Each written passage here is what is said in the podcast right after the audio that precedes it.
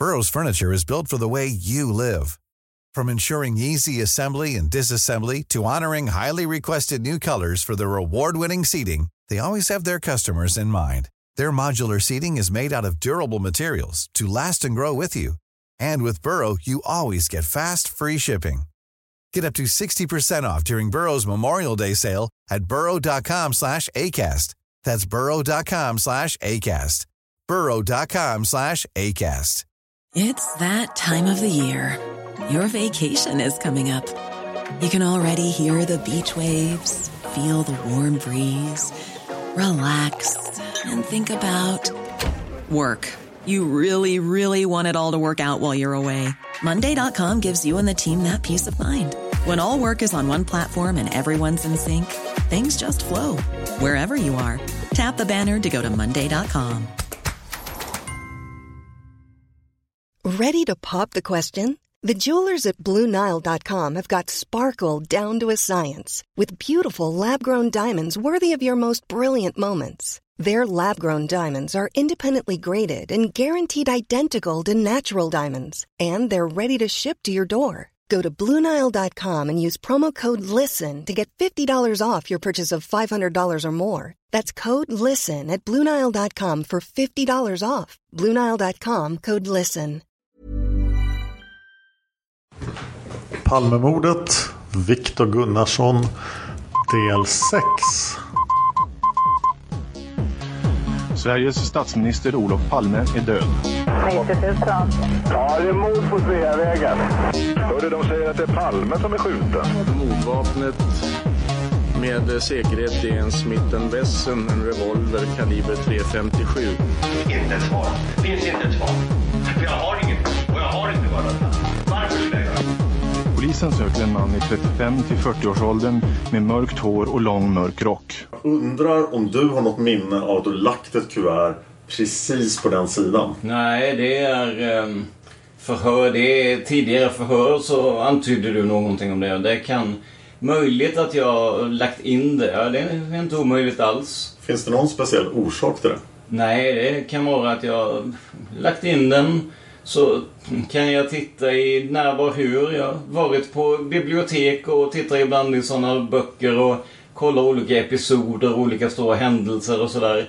Jag har själv John F Kennedys bild och, och hans vicepresident hemma i, på mitt rum alltså. Det är färgbilder.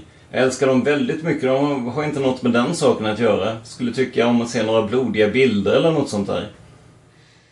Ja, utan några större utläggningar. Det är möjligt att du har lagt in det här kuvertet.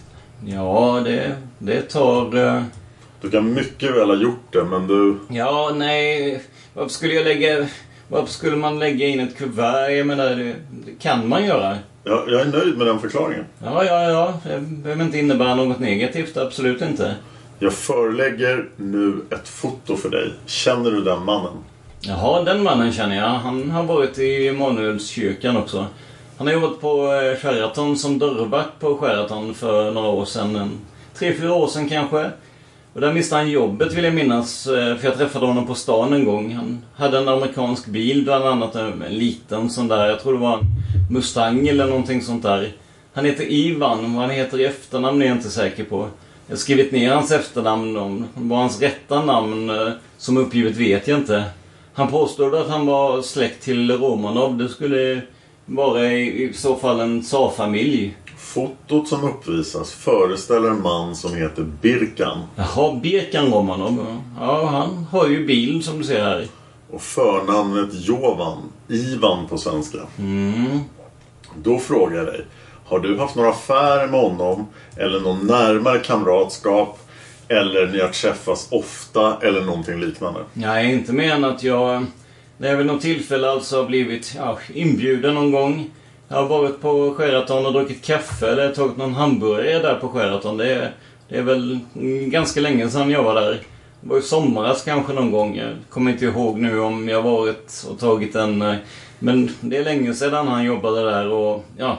Han har varit i kyrkan, Emanuelskyrkan någon gång i, i den engelska gruppen. Engelsk, engelskspråkiga gruppen ska jag säga. Er förbindelse är så att säga ytlig. Ja, jag vet att han har sagt att han bor någonstans vid Slussen har han sagt till mig. Och jag har aldrig varit hos honom och hälsat på honom. Han har aldrig varit hemma hos mig heller. Och jag har träffat honom vid något tillfälle på stan. Han har varit eh, tillsammans med någon som jobbar på ett sovjetiskt företag som, som heter Aeroflot som är någonstans på Sveavägen bör det göra ja. Det är så kallade Sovjet Airlines. Alltså flygbolaget Aeroflot. Och där skulle de, de skulle vara en japanska som jag skrivit upp någonstans i en bok. Han visade en bok för mig då när eh, jag träffade den här japanskan en gång och då visade han en bok som skulle avslöja något, någon knarkaffär eller någonting. Påstådda några företag där i samband med Sheraton. Och det har det pratas om prostituerade på Sheraton och alla möjliga grejer när, när han var där och jobbade eller någonting sånt där. Fast jag kommer inte ihåg, jag kommer inte ihåg detaljerna i boken och han visade boken för mig. Eh, jag tror inte jag har den kvar men det är möjligt att jag skulle få boken eller få erlägga någon liten summa pengar för att eh, för den och läsa den eller något sånt. Eh, och den japanskans namn, jag tror det är Soeko heter hon, Soeko. Hon skulle bo någonstans utåt, någonstans utåt, um, ja. Jag har varit där ute hos henne en gång. Jag blev bjuden alltså till Soekos hus. Och det var många som var där. Det var en, eh, bland annat en som påstod sig vara grek. Och det var han väl antagligen för han pratade tydligen rätt så bra grekiska vad jag kan förstå. Och han lurade henne, han snodde hennes plånbok med flera hundra i och han snodde andra värdesaker, juveler tydligen. Efter vad jag har hört alltså. Ehm, eh, eller efter vad jag kan komma ihåg nu. Jag kommer inte ihåg exakt vad han hade snott. Så han hade stulit någonting från henne. Och den greken träffade jag alltså på stan vid Centralen en gång. Han verkade helt uppgiven. Tydligen hade han eh, någonting skumt för sig. Alltså jag var väl kanske lite godtrogen och jag jag bjöd honom på en fika och sådär och sedan hade han ingenstans att bo. Då fick han ligga över natten. Ett par nätter hos mig. Och så träff, och sedan så träffade, hade han, frågade han tydligen av någon anledning så kände han till Sueco. Jag vet inte hur detta, jag kommer inte ihåg hur det ligger till men han, han kände till den här Sueco som är från Japan och jobbar på Aeroflot någonstans. Och i alla fall så var vi där ute och han var med på den där festen förresten, den här greken hos Sueco. Hon hade någon villa någonstans ute. Jag kommer inte ihåg exakt vad det var faktiskt. Jag kommer inte ihåg. Det var så länge sedan nu. Det är ett par år sedan eh, kan det vara. Nu måste jag säga, jag är verkligen imponerad av ditt minne. Ja, alltså Sueco. Jag har skrivit ner i boken och jag har träffat henne på stan sådär hux flux några gånger och kommer ihåg hennes namn. Soeko. Och, och det är inte så fruktansvärt svårt när man träffar folk flera, flera gånger alltså. Nu, nu har du fått hålla en lång föreläsning här. Om en detalj alltså. Men annat som... Detaljer kan, tyck, kan tyckas. Kan, kan vi vänta? Jag har väntat länge nu på dig och jag tycker att det är helt fantastiskt. Alltså. Ja. Att i ditt minne som du beskriver som varande hur litet som helst kan lägga in en sån här lång om en sak som jag nästan knappt har vidrört. Nej, nej men... eh, Ja, jag är verkligen djupt imponerad. Ja, Jag berättar om Ivan och de som rörde... Han var ihop med den här tjejen Sueko nämligen en period. Därför, eh, eftersom man har med henne att göra så berättar jag det va. Eh, och göra på det sättet. Jag, jag vill inte att du ska missförstå mig. Jag missförstår ingenting. Ja, jag, har, jag har träffat... Eh, Ivan har varit i kyrkan många gånger, den här Ivan. Han har varit i kyrkan många gånger så jag kan komma ihåg honom. Sueko har varit inbjuden till kyrkan. Jag har sagt till henne att hon skulle komma till kyrkan också. Sueko. Men av någon anledning ville hon inte komma till kyrkan. Hur det var. Jag tror inte hon eh, har varit i kyrkan i alla fall. Inte i alla fall när jag har varit där. Så att eh, de här personerna har jag ju träffat. Men det är ju i och för sig länge sedan. Men det är ju... Jag kommer ihåg dem för... Jag träffade dem flera gånger. Det upprepas och det, minnet blir starkare och starkare då. Ja, det var ju bra. Så de blir nedskrivna i, i boken, i kalendern och sådär. Jag är helt nöjd med de uppgifterna. Jaha, det är inget konstigt med det. Men jag har endast frågat dig om du var ytligt bekant med denne man som du fick se på kortet eller censur och så har vi fått denna utläggning. Jag, jag vill fråga dig mer konkret. Är du närmare bekant med honom? Nej, det kan jag inte säga då, men- mer än att jag har träffat honom några gånger. Då är jag nöjd med det. Ja. Är du bekant med en affärsägare på Grevgatan som heter Gun S? Eh, nej, jag har svårt att komma ihåg det namnet. S. Eh, det kan ju vara någon konstnär som har varit i Gamla stan där nere på Österlånggatan. Nähä. Nej, då vet jag inte. Då vet du inte. Någon S. Nej, eh, kan vara någon som jag träffat som jag kom glömt namnet men kanske jag inte träffat henne mer än en gång i så fall. Hon har en butik. Hon har en butik. Nej, jag känner inte till många butiker där mer ehm, designer. Hon har varit utsatt för ett rån. Hon har varit utsatt för ett rån. Ja, butiken ligger på Nytorgsgatan 27 i Stockholm. Det är på Söder. Nytorgsgatan, nej det, det vet jag inte. Har du aldrig sökt upp henne?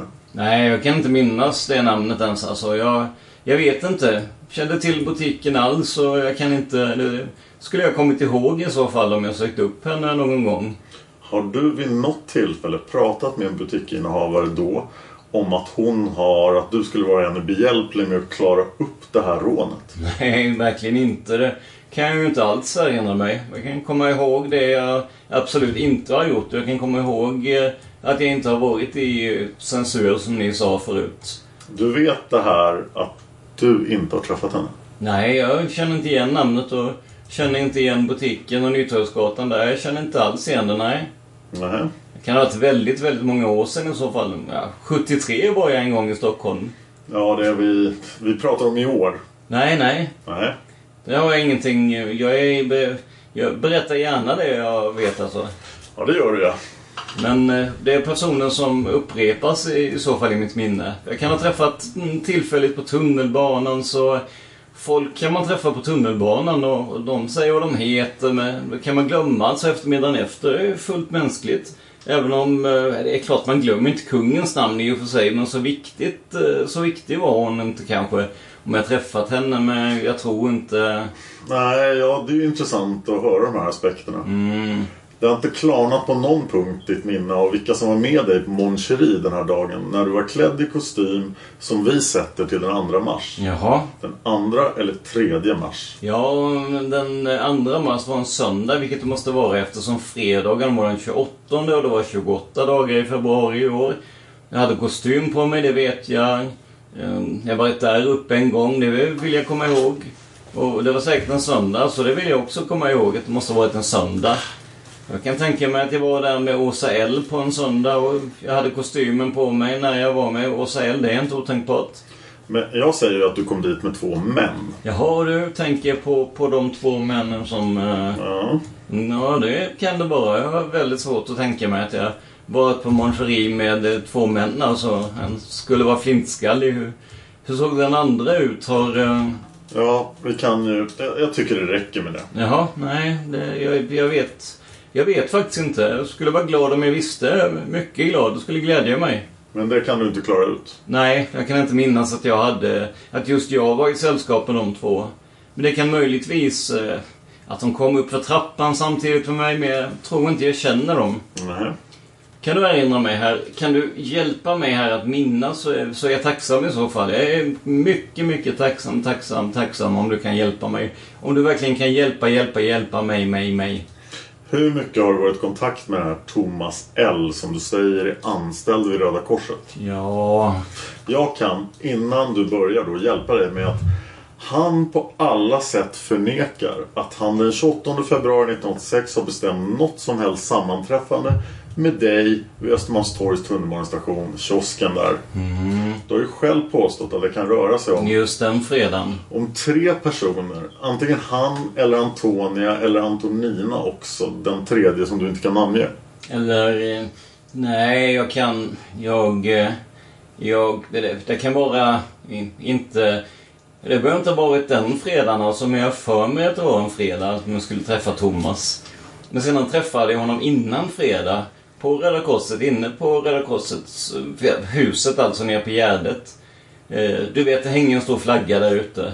Eh, Där har jag varit inne och träffat honom en gång alltså. Om vi pratar med Mossa, han var där också. För han har en syster som har råkat illa ut, alltså hennes familj och sådär. Och det är av den anledningen du har sökt honom. Ja, det är i samband med Mossa, alltså, som du har nämnt förut. Den här Mossa som bor i närheten av Mikael.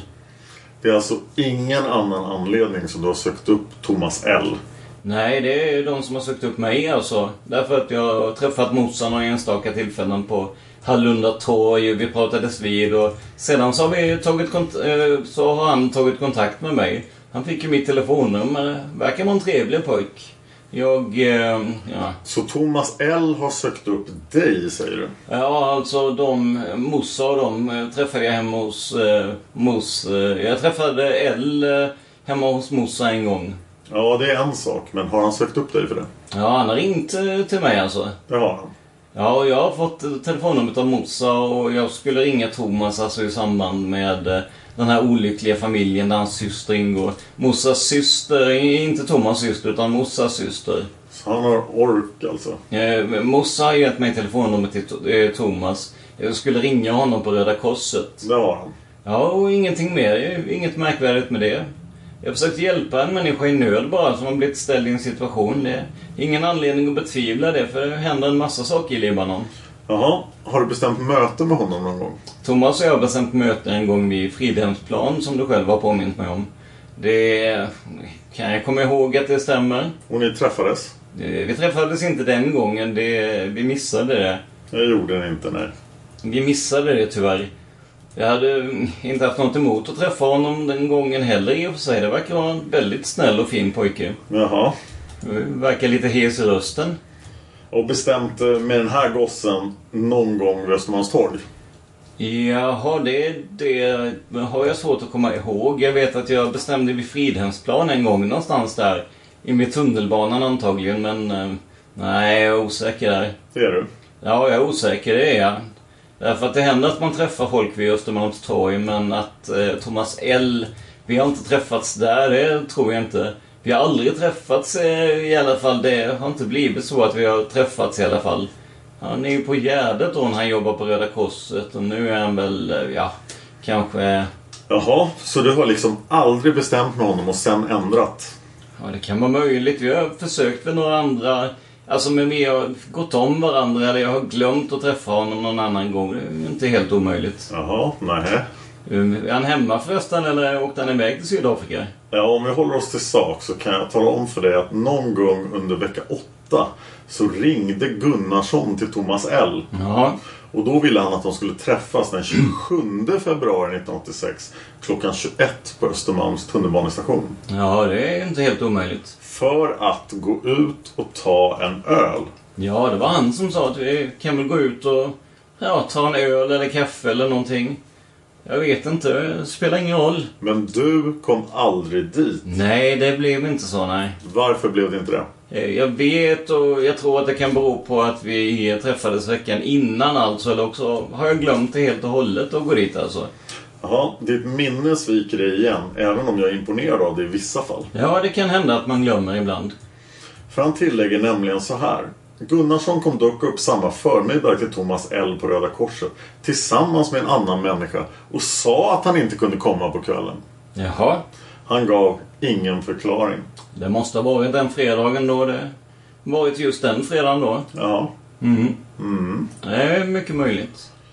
För då kanske vi helt kan glömma det här om att du varit på Östermalms tunnelbanestation den 28 klockan 21.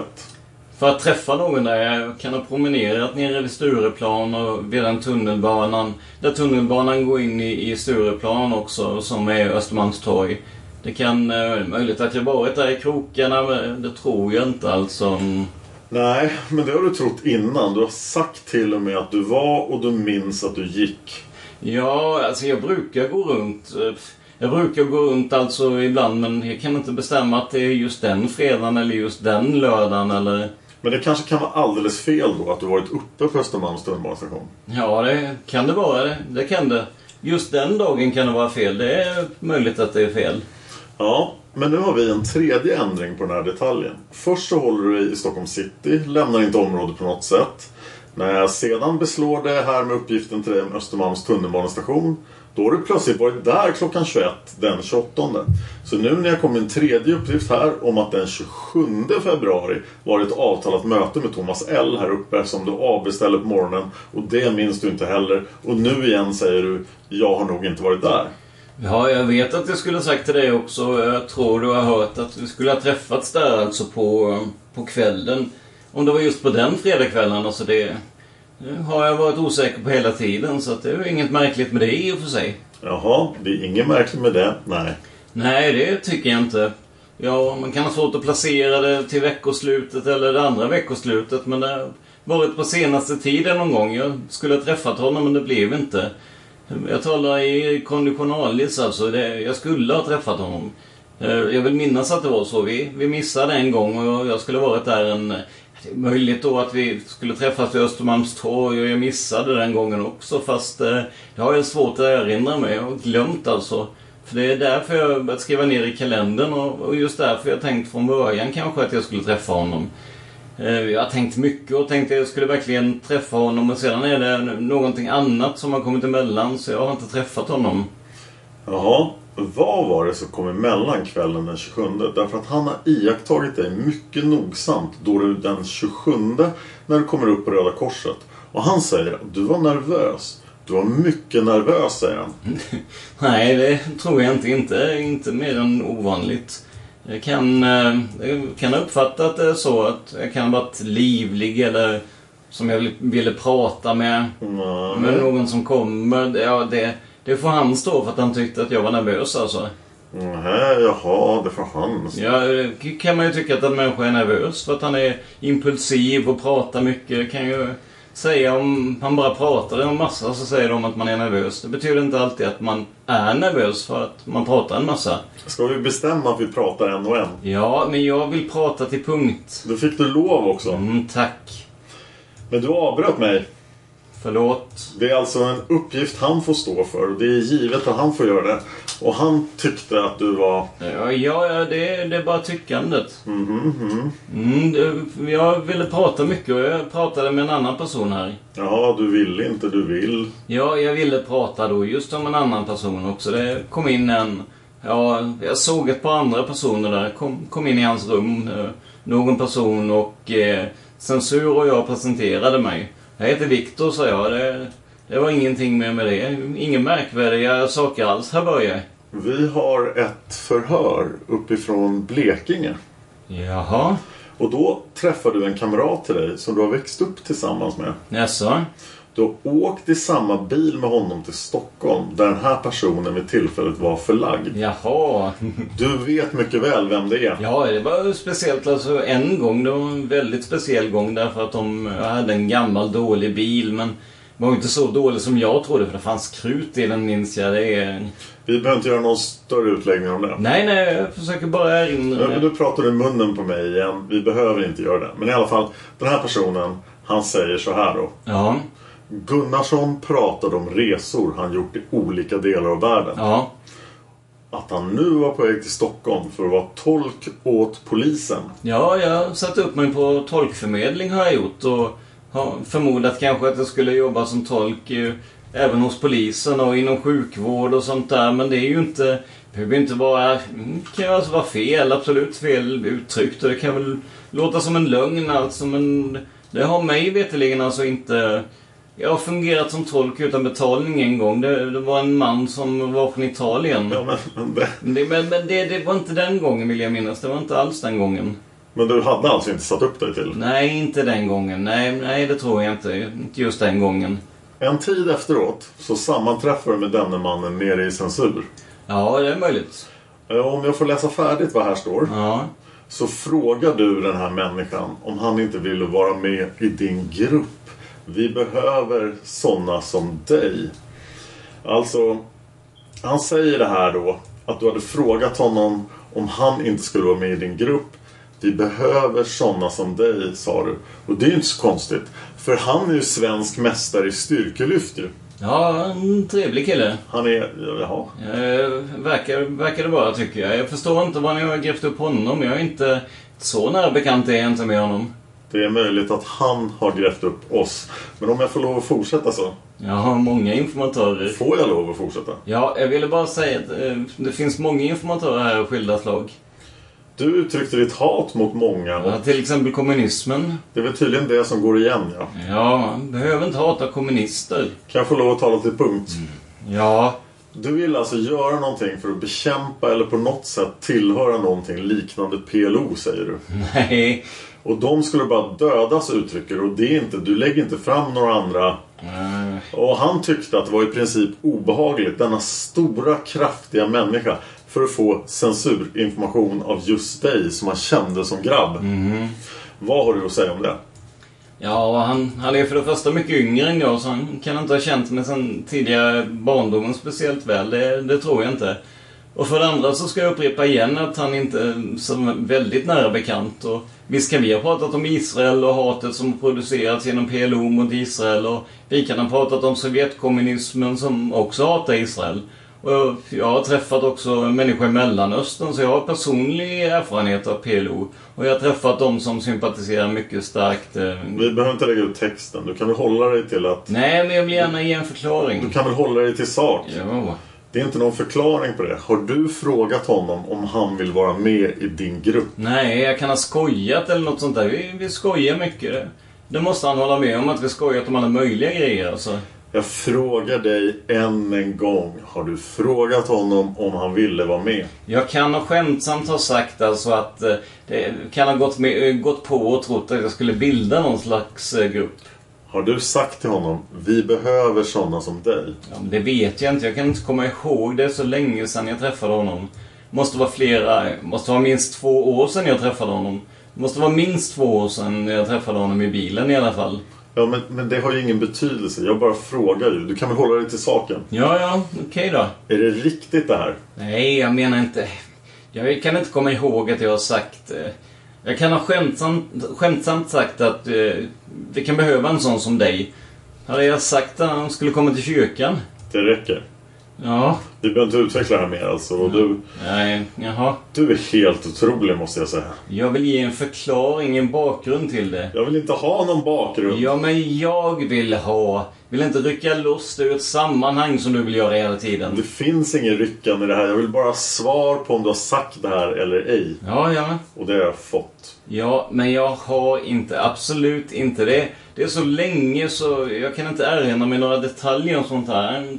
Kan ha påstått en massa saker. Han kan ha påstått en massa saker. Ja, men jag kan också, jag kan också skämtsamt ha sagt att vi, vi kan behöva en sån som dig. Men jag skulle behöva honom till det. Pratat om att vi skulle...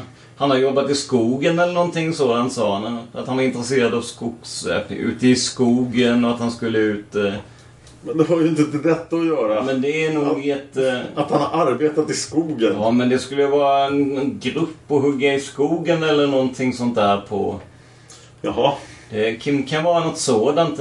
Vi har pratat om det också va? Jaha. Att vi skulle plantera granar i Colorado. Och där skulle ni döda någon? Vi skulle inte döda några där. Det är det uttalandet du har gjort till honom. Ja, vi kan ha pratat om PLO, att de är fruktansvärt stenhårda, att de försöker ha... Ja, och linda in sådana som Gaddafi och sådana där Ayatollah Khomeini och Sovjet. Men, men vi håller oss till sak. Ja, jag håller mig till sak. Absolut inte. Ja, det kan vara PLO som går emot Israel och hatar Israel och det finns en bakgrund. Man behöver inte ha varit i Mellanöstern som man känner till ett sammanhang. Det finns ett sammanhang här också. Jag vill inte ta loss det ur sammanhanget. Jaha.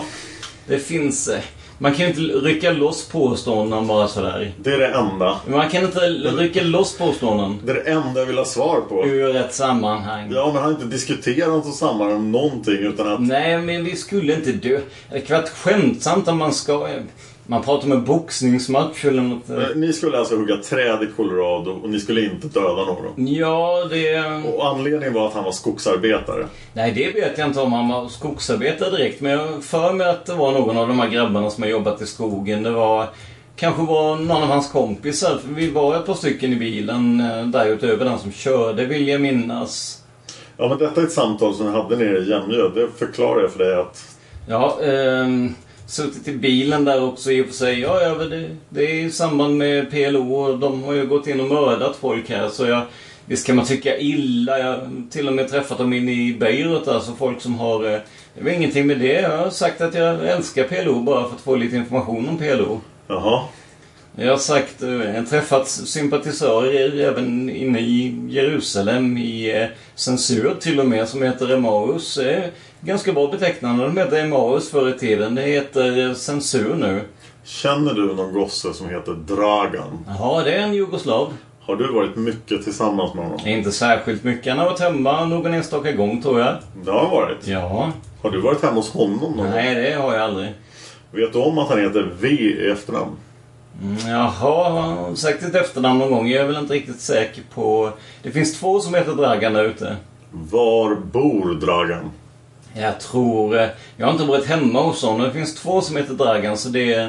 det jag fick fel telefonnummer. Jag skulle försöka hitta honom en gång och slå upp i telefonkatalogen. Då kom jag till en annan telefon och det var inte alls Dragan. Det, den, den jag kände där. Men han är från Jugoslavien, det vet jag. Är det riktigt att du har bott ihop i tre månader med en kvinna som heter Maria? I tre månader? Ja, Det tror jag inte. det tror du inte. Nej, absolut inte så. Har du bott ihop med någon kvinna som heter Maria? Det finns någon som heter Maria som var hemma hos mig i Hallunda och låg över några nätter. Inte tre månader. Du har inte haft sällskap med någon som heter Maria? Det kan jag inte påstå. Det finns någon, en som heter Maria som är från Finland som har varit hemma och legat några dagar eller några nätter. Eh, Hon har varit hemma hos mig och hon har en kompis som heter Nirva. Jag frågar fortfarande lugnt och sansat. Nej, jag har inte varit... Jag kan inte säga att jag har varit ihop med någon. Hon har varit hemma med mig några gånger. Några dagar, men inget mer. Det är ingenting som du har lagt på minnet. Nej, ingen, ingen som heter... Vem skulle det vara? Det kan... Det får du i så fall... eh, När, när var det här? Ja, det kan inte ha varit någon längre tid. Jag har varit ihop med någon som heter Maria. Det, det tror jag inte. Det är det inte. Och du anser inte att du har haft sällskap med någon som heter Maria? Nej, jag kan inte minnas det. Du, Eh, Marie O finns det en som heter. Eh, men eh, hon säger inte... Hon heter inte Maria. Hon kallas för Marie O. Hon är i Småland i, i Markaryd för närvarande. nej det, Men eh, jag har inte bott ihop med henne. det har du inte. Nej. Nej, Har du haft sällskap med henne? Nej, det... Ja, en kort period. Vad är en kort period? Det är länge sedan. Det kan ha varit några veckor. Hur långt tillbaka i tiden? Ja, det är ju... Men hon säger att eh, det är minst tre fyra år sedan. Vi har varit... eh, Träffats i omgångar så här därför att hon... eh, Om vi håller oss till 1985. Ja, hon har varit med i en fest. Hon, hon jobbar inom kyrkan och har gjort det och sådär. 85. Ja, Jag har träffat någon, henne någon gång under 85. Det har jag gjort. men du har inte haft sällskap med någon flicka här i Stockholm som heter Maria? Inte mer än eh, henne som var från Finland. Jag har inte haft sällskap med henne direkt. Hon har varit hemma hos mig och legat över några nätter men inget mer alltså. Jag, jag vill... Hon ville ha min lägenhet sa hon om jag skulle flytta någonstans så, så ville hon ha min, läg, min lägenhet. Ta, över min lägenhet för att hon tycker att hon var för stor. Eh, hon har en trea eller vad det kan vara. Hon sa en tvåa eller en trea eller någonting. Hon ville byta ner sig och ha bara en etta för hon tyckte det kostade för mycket. Och socialen, ja. Hon hade problem. Hon hade varit på sjön och jobbat i några år. Så ni har alltså bott ihop? Men Det kan väl, kan väl inte säga att vi har bott ihop direkt. Hon har varit hemma hos mig och legat över och sovit över några nätter. Inte direkt bott ihop. Ja, men svara på min fråga. Nej, men jag svarar på det. Hon har sovit över några nätter där. Det kan väl vara kanske två veckor, kanske tre veckor. Men hon har varit hemma hos sig själv ofta. Jag menar, hon har inte varit regelbundet hos mig liksom. Du börjar med att du har träffat henne några gånger och nu är vi plötsligt uppe i att hon har bott hos dig i tre veckor. Ja, jag säger några nätter. Det kan väl röra sig om kanske tio nätter. Tio? Det är inte mer än hälften av tre veckor. Nej, men om man säger en femdagarsvecka. Sen kan man vara borta i ett par dagar.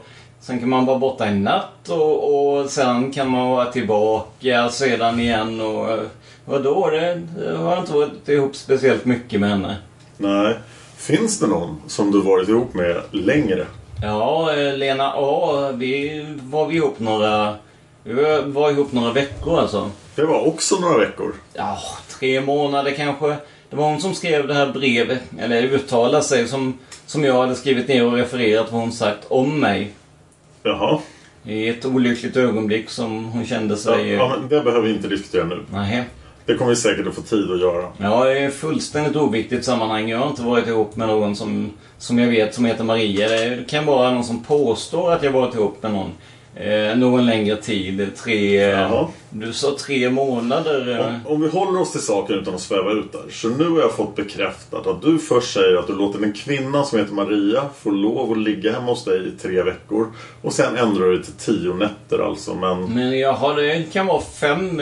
Sen har hon varit borta någon gång, kanske ett par nätter, sen har han kommit igen. Så sammanlagt kan det vara tio dagar under dem, en, en tre veckors period.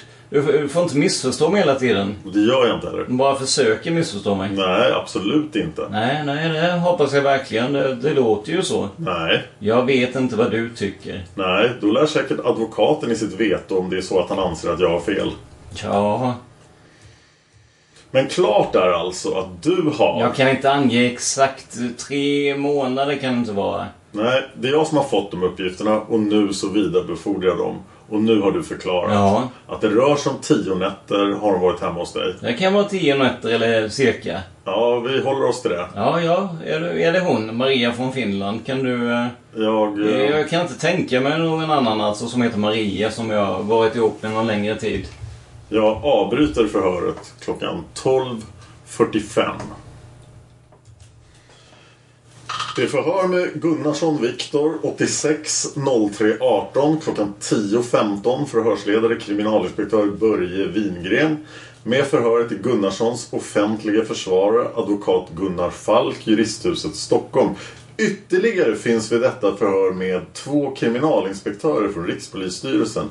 Alltså Rikskriminalen. Ja, Gunnarsson. Du fick ju reda på innan jag började intagningen här att varför de här kollegorna till mig är med. Och jag har ju frågat dig innan om du var med i några organisationer och då har du bara nämnt för mig att du var medlem i Svenska Missionskyrkan. Är det riktigt? Mm, det är riktigt.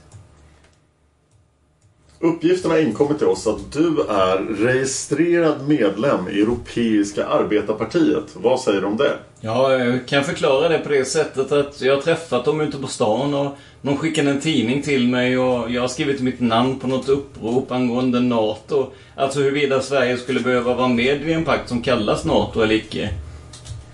Du är alltså inte medlem i EAP? De har skickat tidningen till mig. Nej, jag är inte med, men de har skickat tidningen till mig.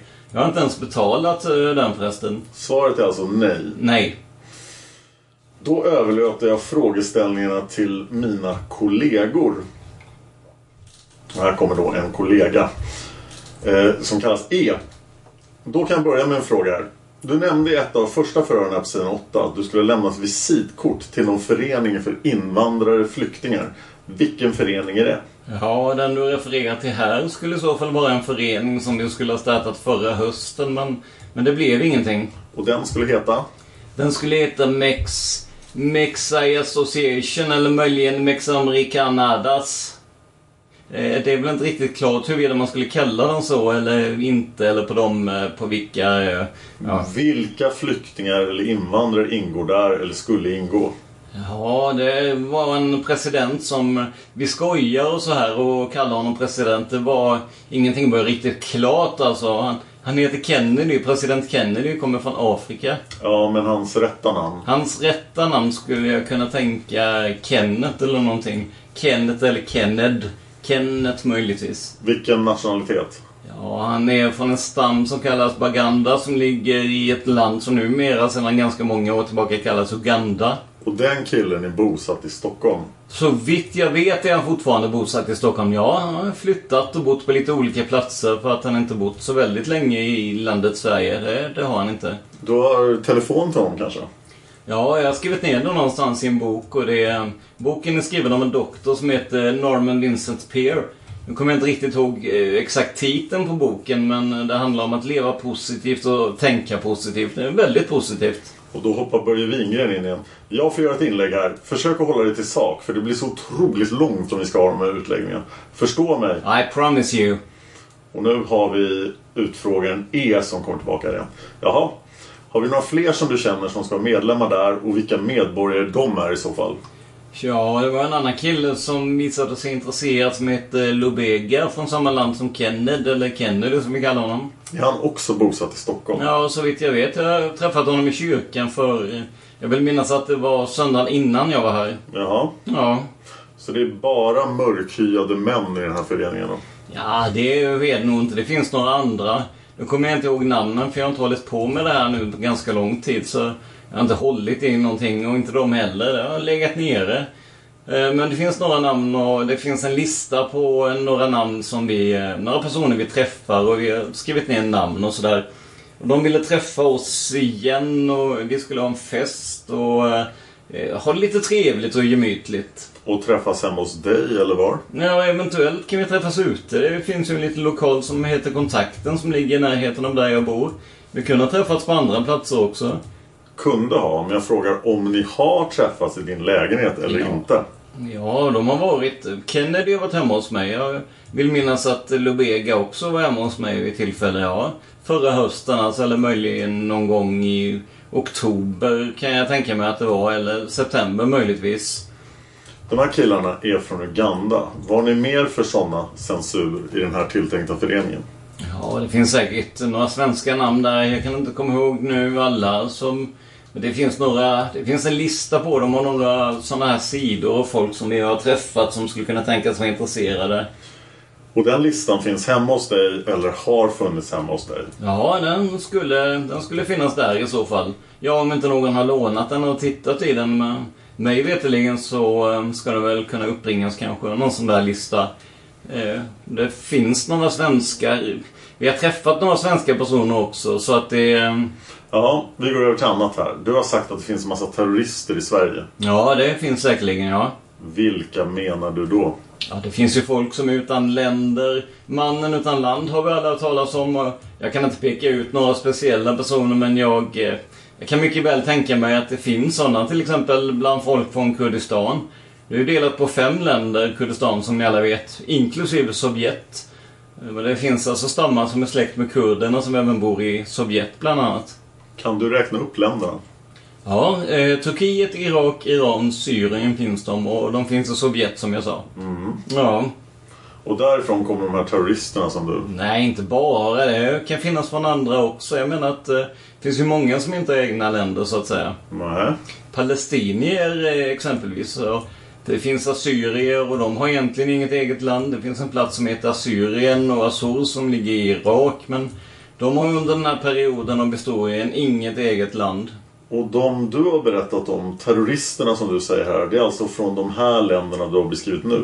Ja, det kan finnas från andra länder också. Det finns ju... Eh, Jo, men de som du menar är ju som står i första förhöret med dig här. Det är alltså de här länderna. Ja, men det kan vara andra länder också. Det kan vara sådana som är sympatisörer till eh, Cinderello Minosso till exempel, som är en maoistisk så kallad grilla i Sydamerika. Inte helt obekant för er. Det kan ju finnas många sådana som kan rubriceras terrorister. Inte så speciellt märkvärdigt tycker jag. Det borde ju alla känna till. Vad menar du med terrorist? Ja, det är sådana som kan använda vapen för att tillskansa sig vissa privilegier som de an, an, inte skulle kunna tillskansa sig. Det är ju inte så märkvärdigt. Det finns ju många sådana grupper, mer eller mindre extrema kommunister eller fascister med ett stort F eller ett litet F. Det finns olika fraktioner inom fascismen med, med F, stort F också. Det finns många olika sådana grupper. Pinochet är väl betecknad som terrorist också. Ja, det var närmast det jag menade. Ja, Det är många som skaffar sig vad de vill med vapen. ja. Vad lägger du in i begreppet terrorist? Ja, Bader-Meinhof eh, också kan ju vara en typ av terror alltså. Terror eh, betyder skräck och kommer från latinet och via franskan till svenska eller terrör som... eh, Ja, jag funderar närmast på vad du själv lägger in i begreppet. Ja, det jag lägger in i sammanhanget i kontexten. Det finns olika slags terrorism alltså. Och terrorism som slutar på ism och det kan ju finnas i Ja, till exempel i Uganda är väl inte helt klart just nu huruvida det är terrorism eller det är någorlunda demokratisk regim som just är gällande där just nu. eh, Precis exakt. Kan du tänka dig de som skaffar sig vad de vill med vapen i hand som inte är terrorister? Ja, det... Eh, jag, jag lägger nog i begreppet sådana som Lurose Brigade till exempel i Italien eller Röda brigaderna som vi säger på svenska eller Bader-Meinhof eller sådana. När jag får tänka efter så brukar vi oftast, vi svenskar i alla fall, den här delen av världen brukar vi kalla dem så. Ja, men nu, nu svarar du inte riktigt på frågan. Du tog några exempel till. Kan du tänka dig några andra? Några andra terrorister. Som alltså skaffade sig fördelar med vapen i hand som inte är terrorister. Jaha, eh, nej jag menar nog att alla som vill vända upp och ner på allt och som inte genom att tala använder munnen och använder vanliga argumenta eh,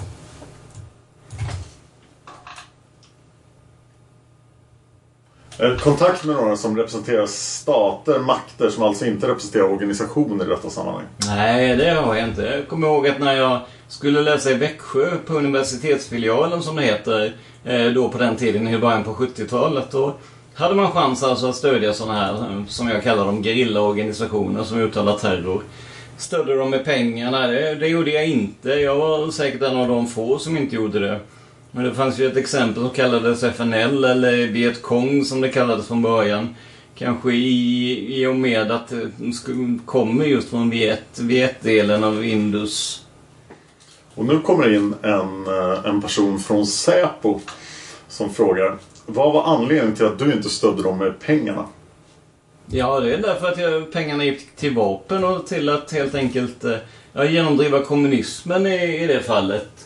I, de flesta fall gäller det då på den tiden PAGC var ett annat exempel i Afrika.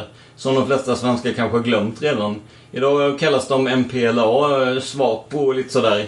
Så det där är någonting som du tar avstånd ifrån. Gjorde det då och gör fortfarande. Ja, absolut. Jag tar avstånd från alla sådana typer av terrorassociationer eller terrorgrupper. Utan minsta tvekan.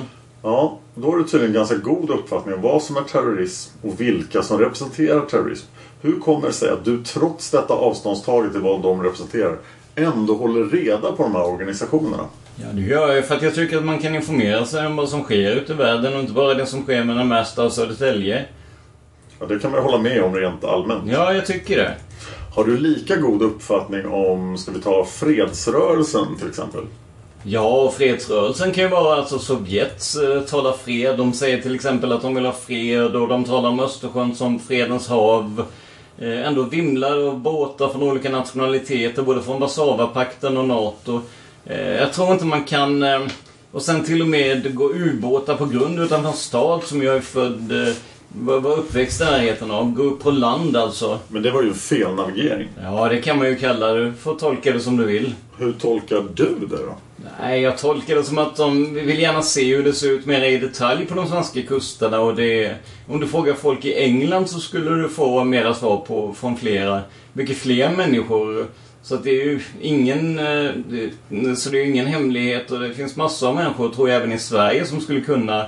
Som skulle kunna misstänka sådana här saker och det är ju... Jag tror inte att man ska... Man ska inte låta sig luras av en eh, sån jättestor makt. Har du själv frågat folk i England? Ja, jag var där. Det väl inte så väldigt länge sedan jag var där. eh, 81 senast. Och det kan väl hända att man träffar folk och man pratar om situationen i Europa och situationen annorstädes och så. Det kan hända. Ja, absolut. Och det har... eh, Och det hände. Ja, jag känner inga speciella personer som jag har... eh, Varför pekar du ut just England? Nej, men jag menar att England är väl ett av de länder som, som gärna här i Europa i alla fall håller reda på Warszawapaktsländer, spionage och sånt. Så det är inte så att din kunskap begränsar sig till vad man vet i England? Ja, de får ju informationen från olika västländer. Trots allt så får vi väl räkna Sverige till ett västland och eh, det är ju fri information i Sverige och relativt, eh, relativ demokrati tycker jag nog. Visserligen hörde man talas om att social service tar hand om folk på massa olika grunder men det är ju ett eh, förmyndarskap som man får ta ställning till. Man har fått kritik för det till och med i ett sånt neutralt land som Västtyskland trots Eh, Ja, jag kallar det för neutralt även om det tillhör NATO i och för sig. Människorna är ganska neutralt inställda och ganska, uttrycker ganska mycket, ändå mer rädsla för Sovjetunionens eh, ja, infil- infiltration och tekniska spionage och allt möjligt som har med detta att göra. Om vi går tillbaka då till vad vi började prata om, nämligen terrorister och dina bekantskaper med dem. Hur utvecklade, var det i Växjö det startade detta intresset från din sida? Ja, det vill jag nog inte påstå. Redan på 60-talet kände jag nog till sådana här rörelser i och med eh, i och med eh, Vietnam-episoderna så kände man väl till vad, eh, vad som rörde sig ute i världen redan kanske när man var en 15-16 år. Det vill, sä- Det vill säga, det kan ha varit 67, 68, 69 någon gång. Så att det är... Eh, jag har varit inblandad av, av historia, även antikens historia. Jag har varit intresserad menar jag av historia. Inte bara den senare historien. Jag är intresserad av vad som händer och sker. Inte bara det som sker mellan Märsta som sagt och, och Södertälje. Det finns ju en värld utanför Sverige också. Det är inte helt eh, obekant förstår du. Nej, det har man hört talas om ibland. Ja, via Expressen och eh, Ja. Dagens Nyheter. Om man hinner läsa förstås. Ja, man hinner ta vissa. Är det därifrån du får din uppfattning? Eller har du också skaffat dig personliga kontakter som gör att du får en uppfattning? Det vill säga mer kanske då i vissa avseenden en färgad bild men ändå då försöker du skaffa dig en mer självständig uppfattning om saker och ting. Ja, jag har ju varit i Indien och såg oroligheterna där och träffade sikher, till och med en indier. Träffade även sikher i Sverige, alltså som jag undervisar i svenska som lärare. Och jag träffade dem i Indien två perioder och jag besökte Bombay och utkanten av Bombay, även i riktning mot eh, Gujarat och, och sikhernas hemprovins. Eh, den heter Amritsar och däromkring. När var det här? Ja, jag var där, åkte dit 82, kom hem 83 på våren. Jag åkte dit på hösten och kom tillbaka på våren och var tillbaka här i Sverige sen. Att jag har varit här i Sverige nu snart, ja. Två och ett halvt, tre år har jag varit här kan man säga. Hur är ditt intresse för sikher? Fanns det innan du åkte eller uppstod det när du kom dit? Ja, jag har väl känt till dem innan eh, jag, jag åkte dit givetvis sådär. Jag har inte studerat deras religion i detaljer, vad de tror på. Vad det är som skiljer dem ifrån de andra nationerna inom Indien. För det finns ju många religioner och många gudaväsen och många mantra. Varje mantra är ett namn på en gud och sikherna har väl en avvikande uppfattning till skillnad från hinduerna i Indien på många sätt. Och därför ville de... Eh, sen så var jag i närheten av eh, Assam. Vi fick reda på att vi fick inte passera genom Assam. Där dödades ju fruktansvärt, eh, mm, fruktansvärt mycket folk när jag var där under den perioden. Vi fick varje dag alltså information. Jag var under den längsta tiden nere i en provins som tillhörde Portugal och som var koloniserad av portugiserna ända fram till 60-61 då området övertogs av indier. Ja, Indien. Då, då fick man information hela tiden där. Och då åkte du dit igen sen eller var det här andra resan? Ja, det var... eh, Jag har varit där vid tidigare tillfällen alltså, men, eh, men det var helt kort. Helt kort jag varit där, men eh, detta var längre perioder sedan. När var det du var där första gången? Ja, det var 1978 jag var där och, och det var bara... Det var väl en, en vecka knappt jag var i New Delhi, utkanten av New Delhi. Och vad var anledningen till den resan? Ja, det var ingen speciell anledning. Det var ren nyfikenhet. Jag vill gärna komma till Indien. Det var inget speciellt intresse kanske just då, men det vaknade vissa saker i mig. Vi utgår ifrån att du besökte flera platser. Man åker inte en enveckas resa till Indien, eller kan man det? Kan man göra. Man kan åka en vecka till Ceylon också kan jag tänka mig.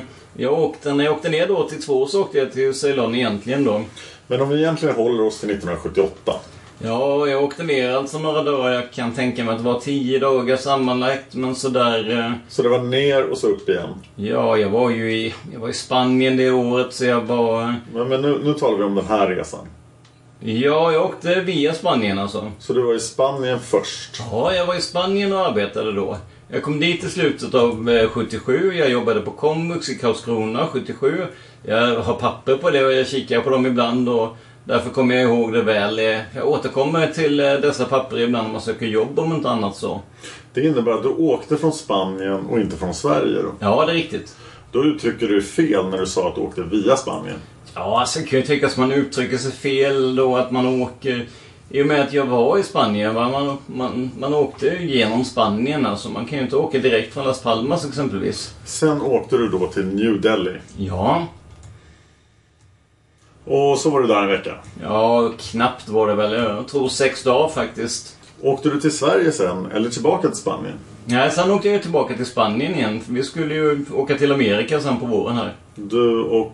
En kille som heter Carlos, han är filosofidoktor där nere och eh, ju- juris kandidat, precis som herr Falk sittande bredvid oss.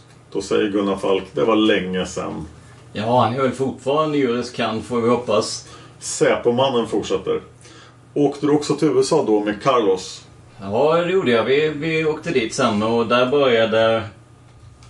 Hur hittar man Carlos? Jag vet inte. Han har haft bostäder på olika håll för att han... eh, Hans far och mor dog. eh, Åtminstone hans far... eh, Eh, och, åtminstone hans far, vilken dog rätt tidigt, har han berättat. Då lämnade han efter sig lite pengar och han har väl förvaltat de här pengarna ganska väl. Det är en ganska klok man och doktorerat och sen... Eh, för det första hade han en juridisk kandidat. Eh, så han kan inte vara helt... Han har nog så han klarade sig. Jag vet inte vad han är för närvarande. Jag har inte hört från honom sedan 1980. Jag minns eh, för att jag, jag jobbade här i Stockholm. Han sökte mig många, många gånger då under våren och sommaren. Men då hade jag ingen fix adress för att jag var bara tillfälligt i Stockholm och jobbade på ABAB bland annat ett par månader. Och då eh, jobbade jag utanför ambassader som ambassadvakt alltså. Och då försökte han få tag i mig där. Ja, vi, eh, han skulle... Eh, han har varit på någon resa, fick jag reda på. Sen träffade jag honom i Spanien något år efter. Jag var nere på en sån här billig resa. Den kostade 15-1600. Jag tog en sån här restplats och åkte ner och fick jag träffa honom nere i, eh, på Kanarieöarna. Eh, man träffar folk ute på den här berömda strandpromenaden. Eh, eh, man träffar folk hemifrån. Till och med från Sturkö och Karlskrona och sådär. En fotograf bland annat som har eh, tidningen, eh, det minns jag särskilt väl, om det var den gången minns jag. Han, Men- eh, Men alltså att du säger här först att du inte hört från Carlos sedan 1980. Men att du sen ändå träffar honom. Alltså jag har inte hört... Eh, han har inte tagit kontakt med mig, alltså menar jag då. Här i Sverige sedan dess. Men jag har träffat honom eh, vid en del tillfällen, alltså nere på Kanarieöarna. Han brukar vara där ibland, vä- väldigt ofta. Flera tillfällen. Ja, det kan ha rört sig om alltså nu tidsmässigt från 78. Jag tror jag var i Spanien även 79. Han var i Israel en gång. Jag tror det var 79 kan det ha varit. Jag tror att jag var i Spanien möjligtvis samma år. Det är 6-7 år sedan nu. Ja, men nu rör det sig om efter 1980. Ja, jag kan ha träffat honom även efter, även efter 80. Ja, du sa förut att du hade gjort det. Ja, visst. Jag kan ha träffat honom flera gånger. Ja, inte hur många gånger som helst, men jag tror att eh, jag har varit, eh, vi har varit i Spanien förra året och jag har faktiskt eh, träffat honom där nere förra året också. Ett kort, bara, bara korta ögonblick sådär. Vi drack någon Coca-Cola eller så, och sen skildes vi. Var bor han någonstans? Jag vet faktiskt inte var han bor för han har haft ett hus i Valencia och har förut... Eh, vet jag att han har ett hus på Mallorca i Valdemosa i närheten av kung Hussein och khanen av Iran och de, eh, av Iran och de här pojkarna. Eh, han har en liten fin eh, lelighet där på något sätt. Eh, aldrig varit där själv på Mallorca och sett den men han, han sa att han sålt den och, och sen har han jobbat på Ford. Han var någon personalchef på Ford i Valencia så han hade ett hus där. Sen hade han lägenhet i Madrid, det vet jag han talade om. eh, Och han hade adress där. Jag skickade något brev dit en gång, men eh, det kan nog tänkas att det var redan 1978. Var i bestod er relation? Ja, den bestod i att vi var goda vänner i stort sett. Vi var väldigt goda vänner. Därför att ni hade samma intressen eller var i bestod den? Ja, han är intresserad av historia. Han är intresserad av... Han talar god engelska. Han var intresserad av Amerika och vi var där tillsammans några veckor på våren och sommaren 78. Kommer jag ihåg att det var 78 därför jag var ju... Jobbade i Sverige 77, slutade i juli och sen åkte jag till Spanien strax efter jul. Jag tror redan i mellandagarna faktiskt. Då, då träffade jag en flicka där som jag blev väldigt förälskad i. Hon har nu flyttat tillbaka till Sydamerika. Hon har bott där nu i tre fyra år tror jag. Har Carlos varit i Sverige någon gång? Ja, jag tror att han har varit här ett par gånger faktiskt. Eh, Jag tror två gånger faktiskt har han varit här. För han berättade att han har varit här en gång tidigare då när han försökte nå mig via min mor och min far alltså. Och då var han... ehm, Då var han hos någon kompis nere någonstans i Helsingborg eller någonstans där neråt Skåne var det. Ängelholm kan det ha varit. Det ligger i närheten.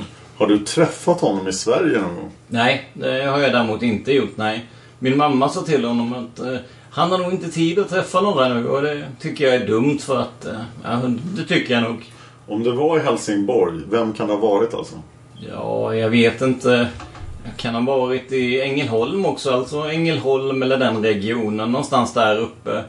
Kan ha varit alltså, men... eh, Men... eh, Jag vet, jag kommer inte ihåg några namn alltså. Kan det ha varit censur som du har i dina anteckningar som är hemma i Helsingborg? Du menar Hans S? Ja. Som jag träffade på semestern? Nej, det är absolut, det kan det absolut inte ha varit. Kan det vara? Han har aldrig, var, han har aldrig träffat Carlos. Kan det ha varit den här Höganäs? Höganäs skulle det ha varit någon från kyrkan möjligtvis. Jag vet ingenting om kyrkan och Höganäs. Men du har en anteckning om telefonnummer i Höganäs. Ja, det kan vara längre tillbaka. Som sagt var, det kan...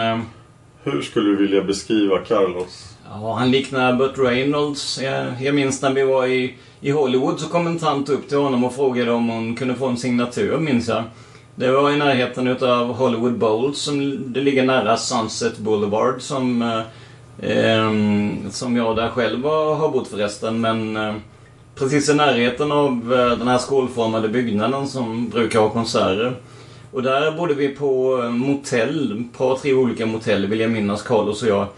Vi reste tillsammans, vi var reskamrater då. Ja, det är väldigt trevligt. Carlos efternamn, vad är det då? Det är Aparicio. Det är i och för sig lika vanligt som Svensson kanske. Aparicio. Aparicio, jag kan stava det om du vill. Ja, jag förstår ungefär hur det stavas. Om vi återgår då lite grann till Sverige då kanske och ditt engagemang i FNL-rörelsen på 60-talet. Jag var inte med där. Var du inte? Du var ändå engagerad i utvecklingen om vi uttrycker det så. Ja, Det är en helt annan sak. Du, du ser att även poliser kan uppfatta fel. Hur ska man då tänka om vanliga människor ute på tunnelbanan? Ja. Kan uppfatta saker precis åt skogen och rycka saker ur sitt sammanhang fullständigt så här ur sitt sammanhang. Jag vill bara, bara ge dig en liten, liten clue. Alldeles riktigt. Ja, Men du följde alltså utvecklingen på FNL-området kan man konstatera. Ja, man minns ju vissa episoder. Man minns ju saker som nu till exempel så skrivs mycket i tidningarna. Det skrevs nästan aldrig om Hue. Det var en ännu värre med saker som utfördes av Ho Chi Minh och hans sovjetiska sovjetkommunister och sovjetiska bröder. De var ju till och med gifta med kineserna och ryssarna under en kort period. Inte hela Vietnamkriget för de började bryta upp sakta men säkert i slutet. I början av 70-talet alltså, i slutet av 60-talet. Var du medveten om detta redan då på 60-talet när det hände? Eller är det sånt som du har konstaterat efteråt? Nej, jag kommer ihåg det här alltså. Det, det kommer jag ihåg. Jag kommer inte ihåg vilket år just som var det nu. Eh, Du fick ju informationen då, för precis som du säger så var det ju inte sånt som basunerades ut precis. Nej, men jag har ju släktingar i Amerika och jag har fått information därifrån och jag har läst tidningar i Sverige och jag har träffat eh, folk som talar mycket vitt och brett om Song My. Det fanns ju en ännu värre massaker som rörde, som jag sa, väldigt många, många människor fler. I Kejsarstaden som är en av de största städerna i Vietnam under den senare delen av historien till och med. Du var aldrig ute och demonstrerade. Nej, det var jag aldrig. Det var jag aldrig. Det var ju däremot herr Olof Palme som olyckligtvis mördades för ett tag sedan. Det sägs att han blev lurad att gå med i det demonstrationståget. Har du någon uppfattning om det? Ja, jag har ju förut tänkt att man kan vara hypnotiserad.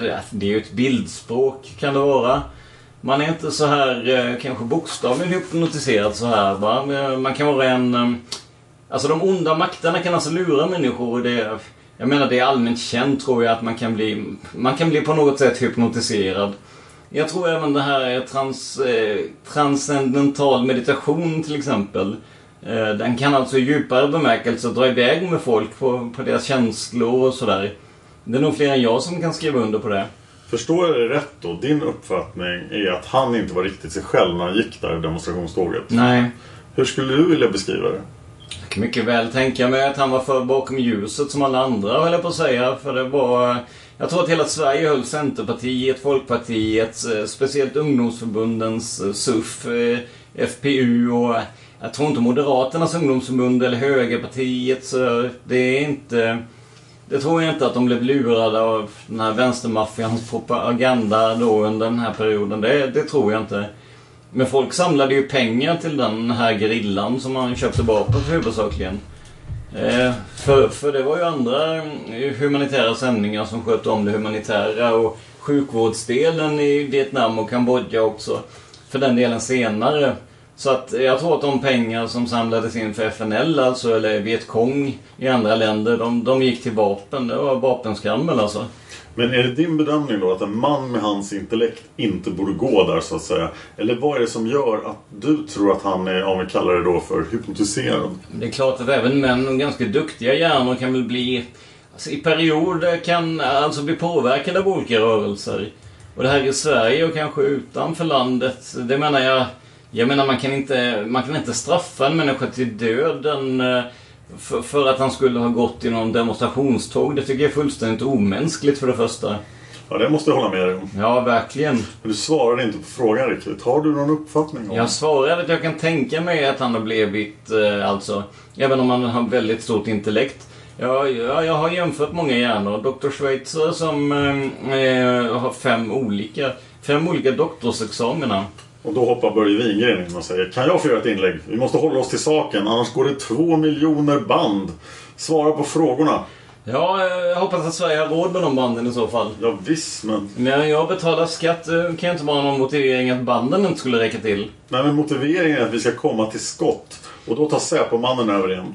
Vi tar om frågan upp. Har du någon uppfattning mer konkret som gäller Olof Palme? Varför skulle han ha varit hypnotiserad? Det allmänna resonemanget håller jag med dig om. Nej, jag, jag tycker nog att... ehm, Jag menar, många med honom lever ju det. De, de förda bakom ljuset. Jag tycker inte att det är så konstigt. Nej, men jag, jag tycker inte att det är så konstigt i och med att han eh, representerar ett... eh, Ja, ute i världen så kallas hans parti Socialisterna. Le Socialist. Un parti de la Socialista. Det skulle alltså vara anledningen till att han skulle vara hypnotiserad. Ja, alltså jag menar att det ligger ju nära till hand som man har någon idé. Bara, så kan man ju alltså gå med Sovjet och Kina och Ho Chi Minh och kommunismens sak. Eh, man kan ju lätt gå med den här, eh, i den här saken om man befinner sig sådär. Och man måste alltså representera ett visst parti. Och, alltså jag är inte partibunden, har aldrig varit egentligen, även om jag har röstat på vissa partier. En gång på Centerpartiet och en gång på Moderaterna. Men du har alltså fortsatt att hålla kontakt på olika sätt med, vad ska vi säga, med personligheter med anknytning till terroriströrelser då, om vi använder det begreppet. Vad i bestod och vilka rörde det om? Nästa kontakt, nästa organisation och när? Ja, det är väl framförallt eh, MPLA alltså som man har följt med i tidningarna. Amerikanska, svenska, engelska, tyska tidningar och andra. Även franska tidningar. Eh, MPLA som är, eh, de är representerade fortfarande fast kanske med nya namn. Men eh, man vill gärna hitta på nya namn. Det, det gjorde man i Sovjet också efter revolutionerna. Och vilka personer som du har träffat representerar de här åsikterna? Ja, jag träffade en gång en fotbollsspelare som sa att eh, han har varit en grillaman. En i Sydamerika. Han, han var inte med i Tupamaros, det vet jag säkert. Men han har varit i Brasilien. Han har varit i Uruguay. Och om han verkligen kom ifrån, eh, det är väldigt svårt att säga, men han var en blandning. Så jag tror att han kom från Brasilien. Det ligger nära till hands. Det är inte så många i Argentina som är blandade. Det är mer italienare och spanjorer där liksom i Uruguay. Och han sa att han var gerillaman. Han berättade, han var med i en eh, gerilla. Mm, kommer inte ihåg nu vad den heter. Det är, det är många år sedan alltså. Det är säkerligen någon gång i mitten av 70-talet jag träffade honom. Och var träffade du honom? Jag för mig att jag träffade honom... Eh, vänta får vi se. Jag tror att jag träffade honom i Emmaboda. Och han spelade fotboll. Jag, jag tror att han var med och, och spelade fotboll även här i Emmaboda eller Kalmar någonstans. Är det din enda anknytning, personlig anknytning, vad beträffar MPLA? Jag vet inte om det var MPLA just, men vi pratade om MPLA för det var ju aktuellt. Angola redan på mitten av 70-talet alltså. Vi, vi kommer ju ihåg det. Vi kommer ihåg att Kuba tillsammans med Sovjet till, eh, alltså spenderade ganska mycket tid och gör fortfarande kan man anta i Angola, så även i Namibia. Eh, även i Mosambik fast med andra namn givetvis. En person med din kapacitet i det här avseendet föreställer jag mig vara i behov av att få diskutera sina synpunkter. I vilket forum gör du det? Ja, det kan vara... Man kan träffa folk på tunnelbanan som man tycker verkar sympatiska och trevliga. Man kan prata med dem där, man kan träffa dem på någon buss, man kan träffa dem på något café. Man kan träffa dem på, ute på gatan man säger Hej Svejs, jag är så här trevlig. Man ska inte göra det egentligen för det kan vara farligt att träffa personer eftersom, vad jag förstår nu alltså. När folk kan vara informatörer och angivare och allt möjligt, både polis och andra myndigheter, då kan man inte lita på folk alltså. Det förstår jag. I alla fall inte i Sverige. Man pratar, det är mycket sladder och mycket prat bakom ryggen alltså. Och det är nog inte bara i Sverige, det finns säkert i många andra länder. Och säkert alla i olika grad. Det är nog ingen... Eh, det är ganska mänskligt. Är det en slutsats som du har dragit nu på grund av att du sitter här? Eller hade du den insikten redan innan? Ja, delvis hade jag väl haft den redan innan. Eh, Det är väl det att man ska väl... Kan väl aldrig tro att man ska bli upplockad alltså, av polisen och hitförd. Men om jag förstår dig och ditt sätt att svara på frågan här så har du inga riktiga bekanta som du namnger. Är det riktigt det? Ja, jag har mera vänner i Amerika kan jag tänka mig. Jag trivdes väldigt bra i Amerika. Trivdes väldigt bra i Spanien och det är av naturliga skäl som jag hade många vänner. Jag har väl träffat några här också. Kenneth till exempel tyckte jag var trevlig, en kille från Afrika. Josef såg jag i kyrkan häromdagen och tyckte att han verkade vara en snäll och fin människa.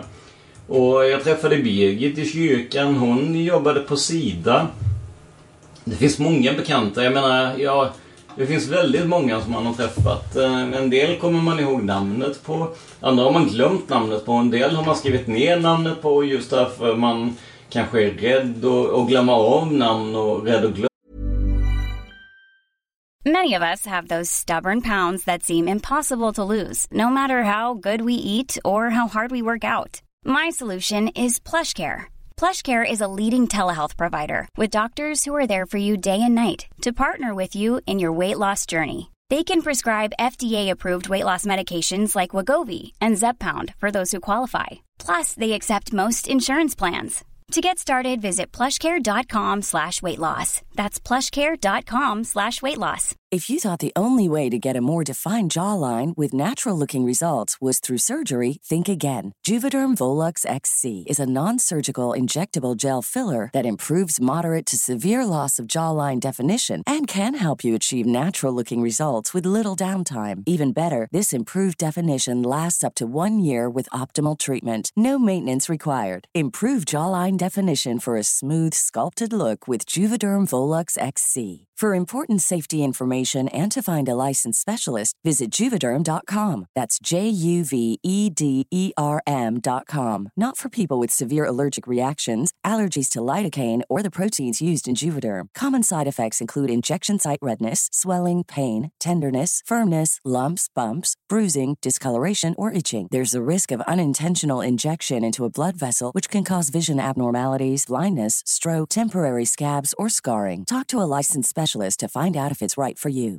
I'm Sandra, and I'm just the professional your small business was looking for. But you didn't hire me because you didn't use LinkedIn jobs. LinkedIn has professionals you can't find anywhere else, including those who aren't actively looking for a new job but might be open to the perfect role, like me. In a given month, over 70% of LinkedIn users don't visit other leading job sites. So if you're not looking on LinkedIn, you'll miss out on great candidates like Sandra. Start hiring professionals like a professional. Post your free job on linkedin.com/people slash people today. glömma. Därför att de var trevliga och så här va. Eh, du vill gärna ha en association. I, I och med att jag jobbade med invandrare. Jag tyckte om... Jag älskade folk från alla länder. Jag tycker inte illa om svenska heller, men jag tycker att man kanske... Jag tycker nog att Sverige kanske är på sätt och vis lite isolerat när det gäller nyhetsmedia och sådär på vissa kvoter. Det är det jag menar. Du måste ju ha den uppfattningen. Det förstår jag på dig. Och då måste, måste man ju skaffa sig egen information. Ja, folk man träffar. Man läser tidningar, engelska, amerikanska. Även den mexikanska har väl varit. eh, Har varit i Mexiko. Har du besökt några föreningar? Jag besökte en kommunistisk eller socialistisk förening, eh, tror jag det var. Det var något föredrag med en kille från Brasilien. Jag var tillsammans med Antonio där, en kille som jag nämnt här förut. Jag ville liksom höra vad han ansåg om eh, Brasilien och det var väl i och för sig inget uppseendeväckande. Var var det någonstans? Det var i Folkets hus på Sveavägen vill jag minnas. Det var i höstas någon gång, kanske början av vintern då. Det var väldigt kallt liksom. Vad var det för organisation? Ja, det vet jag inte. Kan ha varit flera olika. Det fanns annars flera sympatisörer från olika organisationer. Ditt minne är ofelbart i andra sammanhang. Varför kommer du inte ihåg detta då? Ja, men det kan ju ha varit fler alltså. Jag följde bara med Antonio. Kan vi ta några exempel? Ja, jag följde med Antonio bara. Jag kan tänka att det var...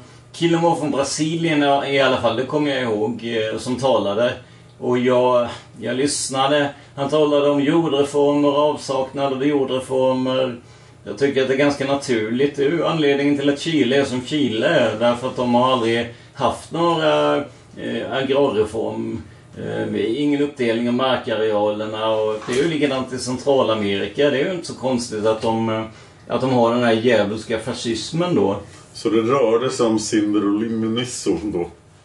Nej, det vill jag nog inte påstå enbart att det rörde sig om.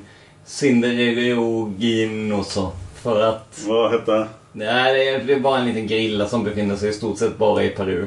Det är bara ett litet land i Sydamerika. Det finns många platser nu. Folkets hus har du, Sveavägen. Du menar ABF kanske? Ja, ABF menar jag. Förlåt. Jaha, det var ett tillfälle. Är det enda tillfälle som du har besökt någonting liknande? Jag tror... eh, Jag kan inte erinra mig någonting i den närmaste historien här att jag skulle ha besökt några speciella. Det var någon kille på tåget en gång eh, när jag åkte hem, alltså som tog kontakt med mig. Han pratade spanska och han... Eh, det stod någonting om eh, Cinderello Minosso. Jag fick pappren, tog med mig dem hem. Jag skulle läsa, översätta och han var, förstod jag, ehm, socialist på något vis. Nej, Jag kan inte klassificera honom. Jag har inte eh, investigerat eller jag har inte undersökt hans person. Jag var inte intresserad av eh, censur. Men han bad mig, eh, han skulle ringa mig sa han. Om vi försöker hålla oss till personer som du på något sätt har en mer konkret uppfattning och plats i livet för. Och försöker hålla oss till organisationer och möten här i Sverige som du har varit på. Ja, man har hört talas om folk som har uttalat sig, offentliga personer. Jan Guillou som... Inte sånt som du har hört talas om. Där du själv har varit på plats. Nej, jag kan inte säga att jag varit så väldigt... Jag har inte varit i Sverige i alla perioder heller. Jag kan ha missat... eh, Nej, jag förstår att du inte kan ha besökt någon plats i Stockholm eller i Sverige när du inte har varit i Sverige. Som jag menar, när du har varit här. Jo, jo, men alltså på grund av att jag inte har varit här så mycket. Jag har inte följt upp sådär vad som händer just i Sverige. Med de här gerillagrupperna eller de här stödgrupperna till Namibia och Syd... ehm, Och fråga om. Jo, jag var där en gång och träffade förresten eh, i kyrkan. Förut så träffade jag alltså, jag kan tänka mig företrädare för SWAPO och eh, ANC i kyrkan. Storkyrkan i Gamla stan var det väl. Och där träffade jag biskop Desmond Tutu och ställde ett par frågor till honom. Och jag frågade bland annat, vad är din uppfattning om SWAPO och ANC? Och då svarade han, han, han svarade inte helt och hållet på frågan, han svarade delvis, bara delvis på mina frågor. Då sa han, Well, as you know, ANC is a liberation movement. Sa han bara på sin egen dialekt från Sydafrika. Ja, det kan jag väl hålla med om att man kan kalla det för en befrielserörelse. Kan jag tycka att det är... Ja, du hade kontakt med honom ja. Vad var hans uppfattning och vad var din uppfattning om ANC? Ja, jag förstod på honom. Han sa ju att eh, det var en befrielserörelse, sa han, sa han ju. A liberation movement, you see, sa han. Är du nöjd med den kommentaren? Nej, det var jag nog inte därför att... Ja, jag var inte ovänlig på något sätt men jag, jag vill gärna ha svar på frågorna men han verkade så upptagen och han vände bort ansiktet. Han ville inte varken blicka mot mig eller svara på några fler frågor förstod jag och därför så... Ja, så sakta men säkert så gick jag hem. Eh, hemåt eller om jag gick och tog något te eller kaffe, det vet jag inte. Det är möjligt. Vad är din uppfattning om ANC? Ja, jag anser nog att det kan vara riktigt att man vill ha en befrielserörelse. Att man behöver frihet, tycker jag. I Amerika så pågick den här processen under 1800-talet. Jag, jag tycker att det är på tiden att även Sydafrika givetvis slår sig fria på något sätt. Men det ska ju inte bli i samarbete med Sovjet och Kuba och MPLA. Jag, jag tror SWAPO är ännu hårdare än eh, ANC på många sätt. Eh, jag... Eh, jag anser att många av de här gubbarna kanske blir lurade av de här för att just kärnan i de här organisationerna kan vara väldigt extrema fast de utåt sett givetvis spelar en teater för världen och, och talar om att de vill befria och sådär. Det är ju romantiska ord, det är ju inte säkert att det är alls frågan om någon befrielse. Förstår jag det rätt då om jag tror att detta var ditt syfte med samtalet? Att försöka få kontakt med honom och få klart för dig om han insåg det här? Ja, det tycker jag ligger nära. Man har ju något skäl till att kontakta en person. Jo, det tycker jag. Jag, jag träffade även Alan Bosak, eh, Dr. Alan Bosak som han heter i kyrkan och det vill jag minnas var förra året. Ja, vi lämnar det där om det inte är någon annan organisation eller möte som du direkt vill ta fram. Nej, inte mer än att man träffar personer på tunnelbanan och jag tar inte reda på vad de heter sådär alltid. Det kan väl hända att jag har gjort, eh, frågat om namn någon gång så här. Eh, vad ni heter och vad ni vill men jag har glömt namn och jag har inte skrivit upp några. Det var ingen anledning. Det var ingen anledning. Mm. Du har en ganska god uppfattning om folk. Vilka tror du, finns det någon särskild krets där du är igenkänd? Vilka personer? Ja, det blir ju ibland spansktalande. Jag känner ju folk eh, från Chile och Peru och sådär. Det finns några som man pratar med som bor där ute där jag bor i det området. Eh, ända från Skärholmen kanske ända bort till Norsborg kan det finnas de som kliver av eh, på olika stationer som man pratar spanska med på tåget. Och det kan finnas även... Som känner dig alltså? Ja, jag känner mig. De kan veta vad jag heter och sådär. Vi har pratat några gånger. Men mer vet jag... Jag tror inte att de känner mig speciellt väl. Det tror jag inte. För de har inte... Jag har inte haft några speciella personer hemma mer än en som heter Cesar Rojas och hans eh, familj. Jag har varit hemma. Jag har utom Alexander. Han har inte varit hemma. Det är den yngsta pojken. Han har inte varit hemma. Annars eh, har de varit hemma. Någon annan grupp då? Om vi ska betrakta dem som en grupp, de du träffar i tunnelbanan. Jag har ju varit invandrarlärare fram till oktober 1985. Var då någonstans? Sista året på studie, Studiefrämjandet. När började du med det? Om vi tar det i kronologisk ordning. Ja, jag vill minnas att jag började som vikarie i slutet av februari någon gång och sen så fortsatte jag. Vilket år? Samma år, 85. Och det fortsatte fram till oktober, mitten av oktober någon gång. Jag kommer inte ihåg exakt datum men det kan man kolla upp i så fall om det är viktigt. Det är nog ganska irrelevant men det är ju tråkigt när man blir utan jobb. Vilken lokal befann du dig i när du fullgjorde den här funktionen? Jag befann mig i en lokal på, på vad heter det nu? Nära Mariatorget, alltså Hornsgatan. Jag kommer inte ihåg numret men det är Studiefrämjandets lokaler där. Fortsatte du efter oktober 1985 eller är det här halvåret då den tid som du har varit invandrarlärare? Ja, jag har varit lärare på KV som eh, vikarie. Det var eh, kvällsjobb eh, ibland på, var väl ganska mycket jobb där. Till och med övertid ibland. Och som sagt kvällsjobb ibland på KV. Kvällsgrupper från klockan sex någon gång. Under vilken tidsperiod? Ja, det var alltså framförallt 1984 och eh, jag kommer inte ihåg om det kan ha varit, det kan ha varit i början av 1985. Alldeles i början. Eh, januari möjligtvis. Till dess att du började på Studiefrämjandet då? Nej, det var ett litet avbrott där vill jag minnas. Kursverksamheten, vilken lokal var det?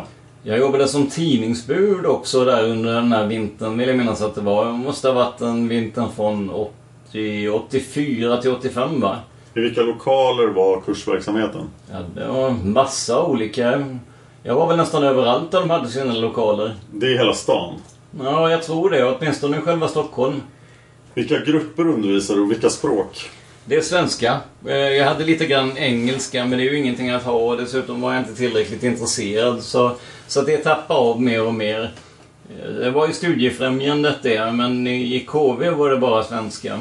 Och dina elever, kom de från något särskilt område här i världen, eller? Det var mycket blandat. Jag, jag minns jag hade ett par flickor från Sovjet bland annat. Eh, jag hade en del spansktalande. Jag hade en flicka som var från eh, Colombia, minns jag. Som jag har varit hemma hos mycket. Hon har bjudit mig på mat och sådär. Eh, som bodde någonstans, jag tror hon bor någonstans på Östermalm faktiskt. Nyborggatan kanske. Jag har varit där en gång men jag kommer inte ihåg om det var just Nybrogatan. Jag tror det var Nybrogatan. Vilka fler landsmän har du mött ifrån? Ja, det har ju varit iranier, det har varit turkar, det har varit kurder, det har varit säkert assyrier också. Inte så många assyrier var det inte den perioden, eh, tror jag inte, på, på KV. Iran, turkar, assyrier, kurder. Ja. Irak också, eller? Ja, det finns irakier. Jag har en god vän som har som uh, har alltså varit med i krig där nere som kom hit till Sverige som flykting. Heter? Jaha, han heter Farid. Han har nämnts här också förut. Stackars pojke. Jag tror att han håller på att reparera sig från de här krigsevenemangen. Uh, jag hoppas, uh, hoppas det verkligen. Så han känner sig väl lite säkrare. Men som försöker hoppa på honom här i Sverige. Till och med hotat honom som, och som känner igen honom. Det förekommer ju sådant. Kurder är ju emot varandra. Är man inte socialist eller kommunist är man för Kurdistan. Om man är igenkänd av någon klan eller någon klanmedlem. Då kan man verkligen råka illa ut. Jag tror att det har varit någon eh, en incident jag hade talat om här i Stockholm till någon eh, mellan någon kurd och eh, en kurd och en annan kurd kanske. De kommer jag inte ihåg. Det kan ha varit andra grupper också. Mm, skäl av att det var bråk på tunnelbanan till exempel mellan, eh, inte mellan kurder kanske som jag hört i alla fall, men mellan spansktalande och jag tror turkar. Och till och med har jag sett eh, några indicier alltså om turkar provocerar eller retar spansktalande flickor. Eh, sedan har de spansktalande pojkar eh, då gått till försvar. Sådär ja. Det är inget, märk inget speciellt och inget märkvärdigt. Och, och Farid och jag har inte sett något tillsammans när vi har varit tillsammans. Eh, som att något speciellt sådär. Men eh, han har ju berättat att han har varit hotad. Vad heter han mer än Farid? Ja, han heter... Ja, finns telefonnumret där någonstans? Du har väl det Börje bättre än jag? För jag kommer inte ihåg. Han har något nytt telefonnummer. Är han kurd? Eller? Nej, jag tror inte han är kurd. Alltså, han kan vara blandfolk och de kan ha kommit in över den nuvarande gränsen till Sovjet. Alltså i Jerevanområdet någonstans. Men de har bott i eh, Iran en kort period. Sen har de bott ganska många år i Irak. Hans familj bor i Irak. Och jag tror att han har någon kusin kanske, eller syssling här i Sverige. Jag har för mig att jag träffade dem i Skärholmen. de brukade gå dit på loppmarknad också. Är det från honom du har dina kunskaper om kurder? Ja, han har ju berättat en del om, om Kurdistan och sådär. Det, det har han gjort. Och det är ju inte bara från honom. Jag har träffat eh, någon mer. Fast eh, jag kan inte komma ihåg. Eh, jag har inte varit tillsammans med någon direkt så. Eller kommer ihåg namnet på någon som, eh, som, eh, som vet någonting där. Ja, här rör det så här om dina elever när du har varit lärare. Ja. Eh, Farid är väl ingen... Eh, har jag inte haft som elev. Men jag tänkte på de andra. Ja, det är, det är klart att man kan ha pratat vid något eh, om, om sådana här saker. Det är väldigt känsliga saker så jag försöker nog undvika just det här med Kurdistan för att jag vet att det kan vara livsfarligt alltså att prata med sådana här pojkar. Speciellt pojkar utan länder eller eh, ja.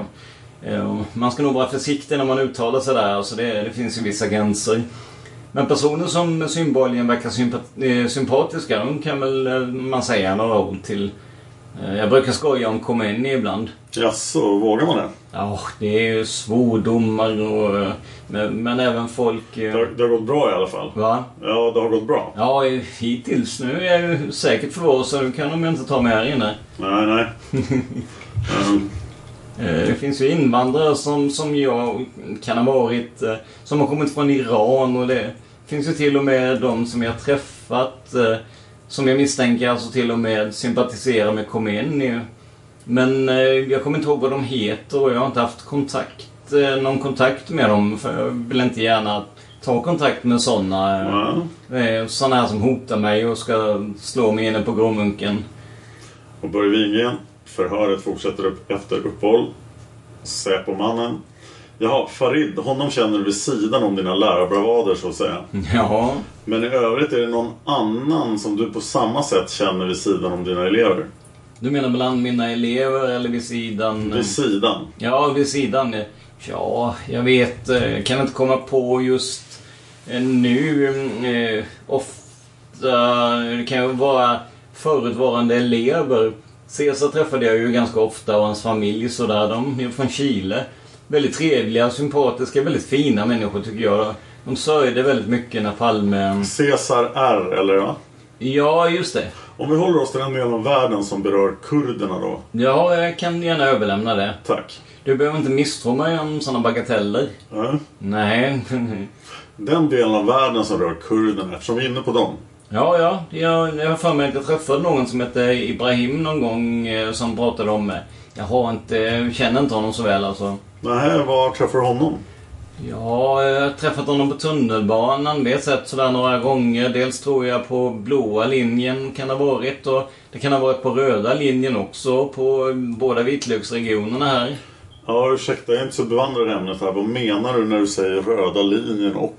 Ja, det är tunnelbanan. Röda linjen och den blå linjen är tunnelbanan som går till Turkeby, eller Rinkeby som man säger.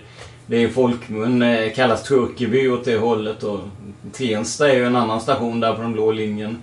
Sen finns det ju på den röda också. Men du har arbetat, arbetat och träffat honom vid flera tillfällen, bland annat i tunnelbanan. Nej, det är väl ute på stan. Vi träffas mm, kanske någon gång och stött ihop vid Hötorget tror jag. Jag har sett honom någon gång. Och vad har... Det är väl på sådana platser där man träffar folk och så här. Nere vid Sergels torg och det här. Vad vad har den kontakten givit dig då? Ja, man... Jag förstår liksom vad han tänker om kurder och folk eh, och så här, turkar och sådär. Man förstår liksom eh, vad man har eh, några tankar om detta. För några tankar om detta alltså. Men jag vet, eh, jag kommer ju inte ihåg. Jag tror inte jag har hans telefonnummer ens. Vi har inte gått så långt att vi utbytte telefonnummer. Vad var hans tankar om detta då? Ja, jag har för mig att han har en väldigt nykter syn på det hela och han ansåg att det är mycket djävulskap och det, det blir givetvis, är man utan land så känner man sig rätt desperat på många sätt och det kan vara avundsjuka, det kan vara svartsjuka och det kan vara att man känner sig dåligt behandlad av Iran eller Irak eller eh, vad det kan vara och även i Turkiet. Och är man sedan då till råga på allt socialist eller kommunist så är man kanske ännu mer illa behandlad och det är ju eh, verkar ju vara väldigt många som säger öppet alltså att hon är socialist och sådana som man har hört alltså från Kurdistan i Turkiet, från Kurdistan i andra regioner. Jaha, diskuterar ni detta då när ni brukar träffas hemma i din bostad också? Ja, det kan väl hända att man diskuterar sådana grillor och vad folk, eh, vad som händer och då och då. Jag minns att jag ville försöka tala om för folk att det fanns en, att det fanns en väldigt, eh, som jag nämnde här förut, en väldigt svår massaker alltså som var mycket, mycket, mycket större. Större, större än Song My. Song My nämner man väldigt mycket om men man har inte så mycket till övers för just Hue. Den stora kejsarstaden där man slaktade massor. Men vi... Ja, och vilka personer är det som får möjlighet att komma hem till din bostad? Ja, det är sådana personer som har bjudit som kan finnas på de här ja, pappren som skrivit ner namn och telefonnummer. Och, sådana som jag tycker verkar trevliga och sympatiska och snälla människor som har träffat på stan så här spontant för det mesta. Som Ibrahim? Ja, fast eh, jag tror inte han har varit aktuell för detta. Han var ju... Eh, jag för mig att han vill söka jobb, att han var upptagen med sina jobb och så här. Han skulle vara städare och... Eh, eller vad det var han skulle bli. Eh, han har inte liksom varit så intresserad så eh, det har jag liksom inte... Om vi fortsätter att hålla oss till kurderna. Vilka är det som på olika sätt har någon synpunkt på kurdernas liv som har varit hemma hos dig? Ja, det är nog ingen tror jag mer än Farid alltså, som har varit hemma hos mig och som eh, jag känner så väl alltså. Han har ju bott i området, han känner ju till kurderna, han känner... Han, eh, om ni vill ha sakfrågor får ni vända er till honom. Hans svenska vet jag inte, den är lite bristfällig. Ja, var hittar vi honom då? Ja, han ska väl finnas här. Eh, Börje, du vet. Gör han det? Eh, Ja, du har ju... Vi har pratat om honom förut. Och då säger Börje Wingren Jaha, jag fick ett papper och Säpomannen svarar Ja, så står han under också. Nej, han stod... Eh, nytt telefonnummer sista månaden tror jag. Ja, ja, nu talar jag om Ibrahim. Ja, Alltså Ibrahim? Ja. Jag kan inte minnas att eh, jag har någon telefonnummer på honom för jag tror inte att vi har gått så långt i tankegången att han skulle vara så att säga intresserad av association eller Mexai eller vad vi skulle kalla det. Jag är inte klar över vad vi skulle kalla det egentligen. Vem var den drivande kraften bakom den organisationen? Ja, det var väl det var, jag själv och som han som vi kallar Kennedy. Ja, och, ehm, ja, det var de här svarta pojkarna, trevliga pojkar. Träffar många från Uganda. Då kommer Börje Wingren in igen. Jag får lägga in lite där. Den här föreningen du pratar om här. Ja. Den har du tidigare berättat om. Att den hade ju en direkt mexikansk-amerikansk grundtanke. Ja, tanken var väl att folk eh, skulle väl vara så att jag har träffat alltså folk från Mexiko och folk från Guatemala, det området. Det framkommer alltså det att namn har väl den rätta innebörden. Alltså, ni heter ju Mex American. Ja, men sedan kan man ändra namnet som jag sa här. Vi var inte överens om eh, vi skulle ha namnet. Men vi har alltså bara pratat om afrikanska flyktingar i den organisationen. Ja, ja. Det är tydligen bara, bara, bara två eller tre namn som du har nämnt. Ja, ja, men som sagt namnet där var ju oklart. Eh, Vi var inte överens om... Jag menar, vi har inte diskuterat så väldigt eh, nära huruvida vi skulle kalla det så eller si. Nej, men ni har ju tryckt upp visitkort. Ja, ja, det. Jag tänker på Mex Americanadas, eh, ja, Mex...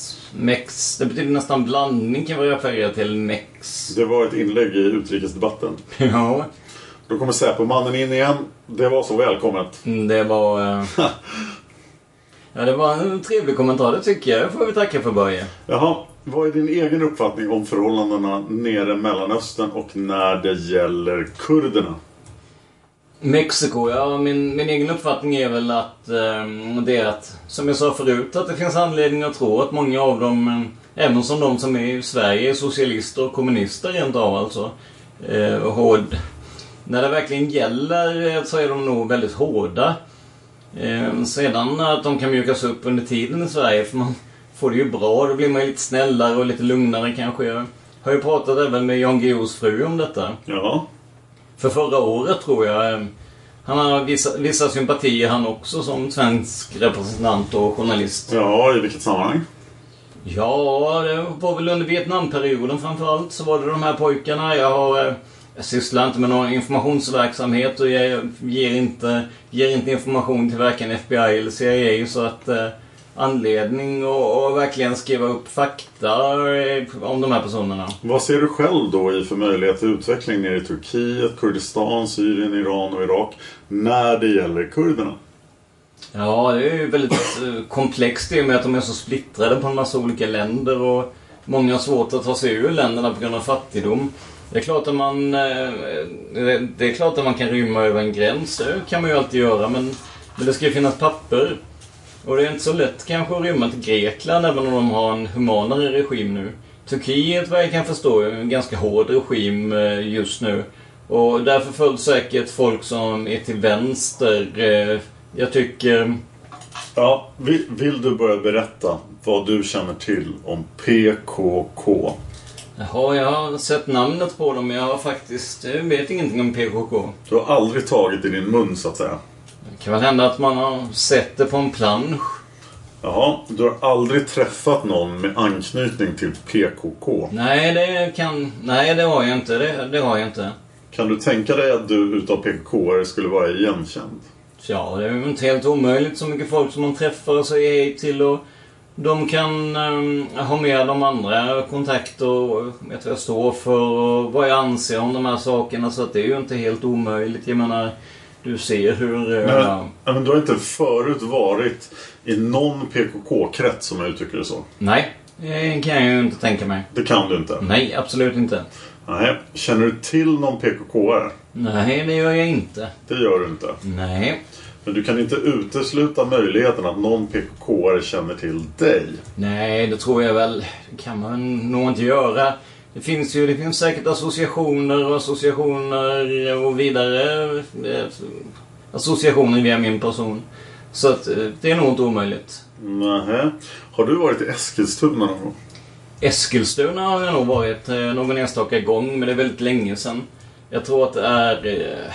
Vänta får vi se. Det är rätt många år sedan jag var där. Jaha. Så, ja, jag tror det. Känner du någon som bor i Eskilstuna? Jaha, jag kommer... Ja, nu förväxlar jag Strängnäs och eh, Eskilstuna.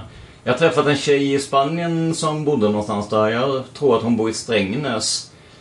Jag känner min... eh, min eh, eller känner... Jag, jag har hört talas om den här Miss Universum och... Är det det enda? Miss Sverige. Är det det enda? Yvonne Ryding eller Yvonne Reading.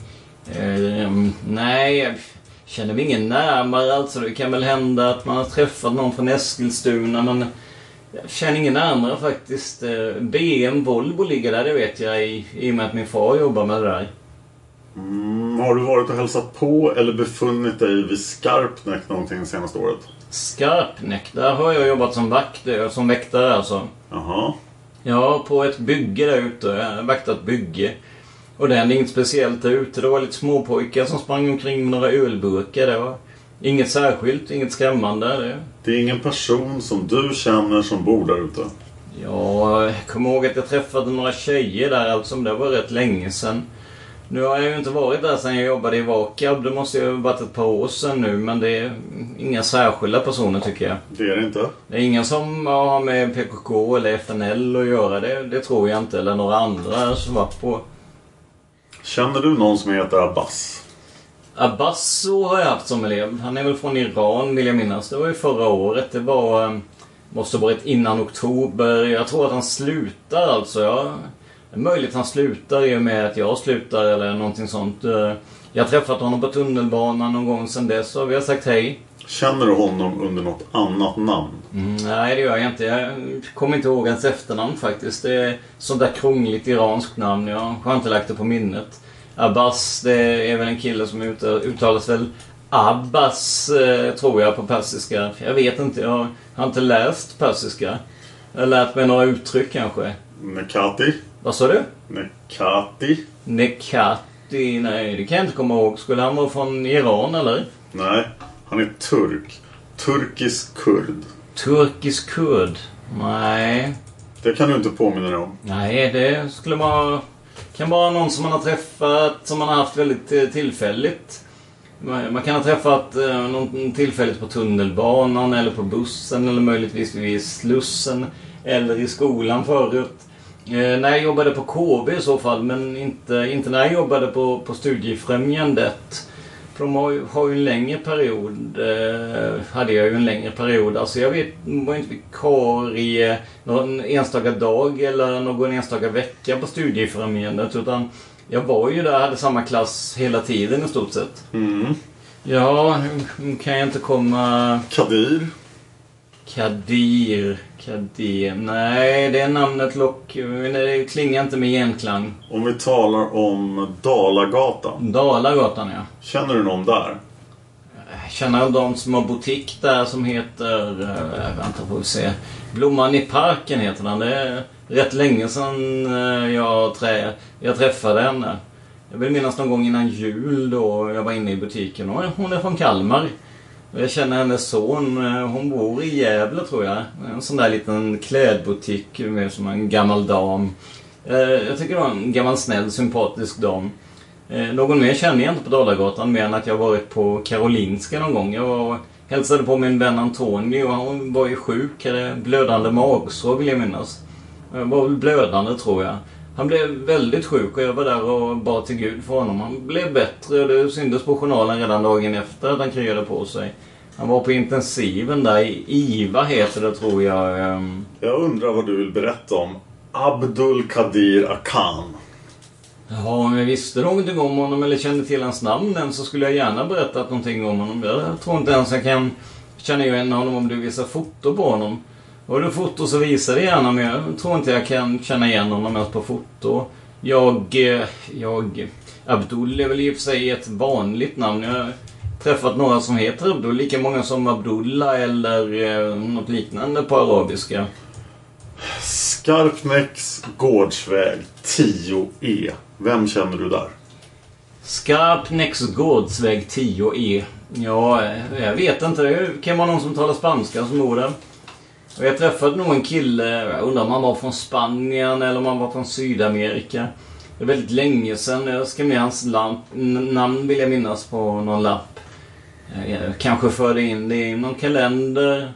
Han var gift med en flicka från Östeuropa, kanske var Polen.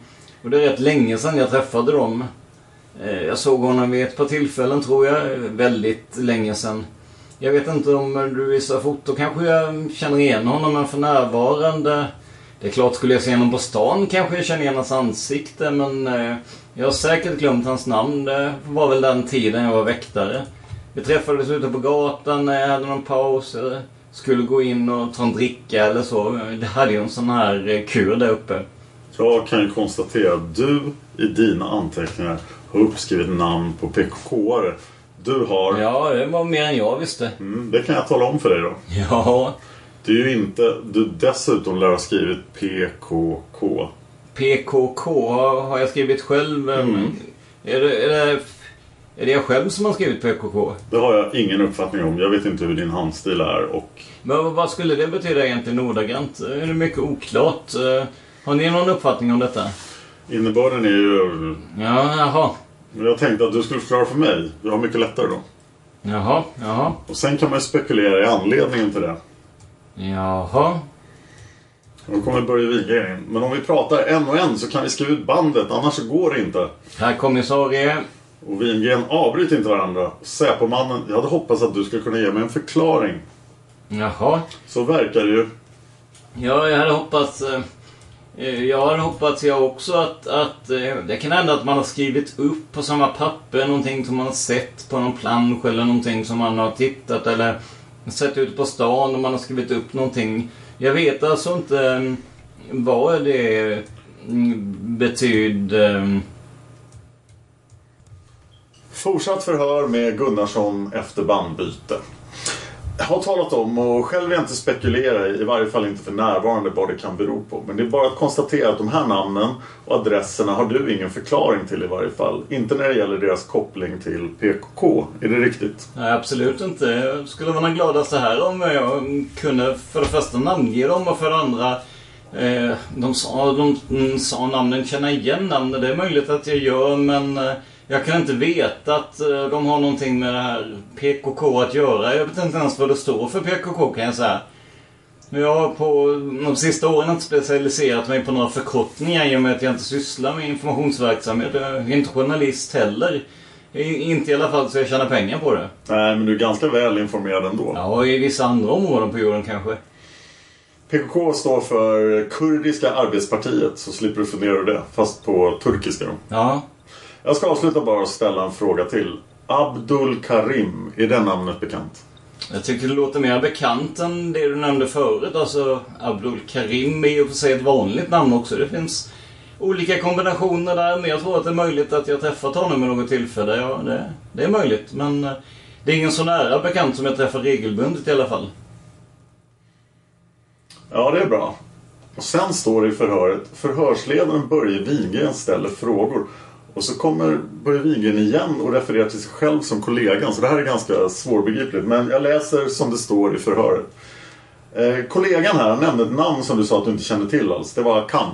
Eh, upprepa det namnet. Eh, Abdul Kadir Akam. Det är möjligt att jag träffat honom för, för några månader sedan men jag känner absolut inte igen personen. Jag kan inte koppla namnet till någon person. Men om jag hjälper dig på vägen och säger att du har skrivit ett meddelande till honom. Har jag skrivit något meddelande? Ja. Kan det vara någon annan som har skrivit? Det finns ju dina ägor och det ligger på ditt bord. Och vad heter han sa du? Abdul Kadir Akam eller Atjam. Nej, jag har inte skrivit några meddelanden till någon person som heter så. Men känner du någon annan som heter så? Nej, det gör jag inte. Kan du lämna någon rimlig förklaring till att denna anteckning ligger på ditt eget bord i din egen lägenhet sex trappor upp på Klövervägen 6? På vilket bord skulle den ligga? I rummet. I vardagsrummet?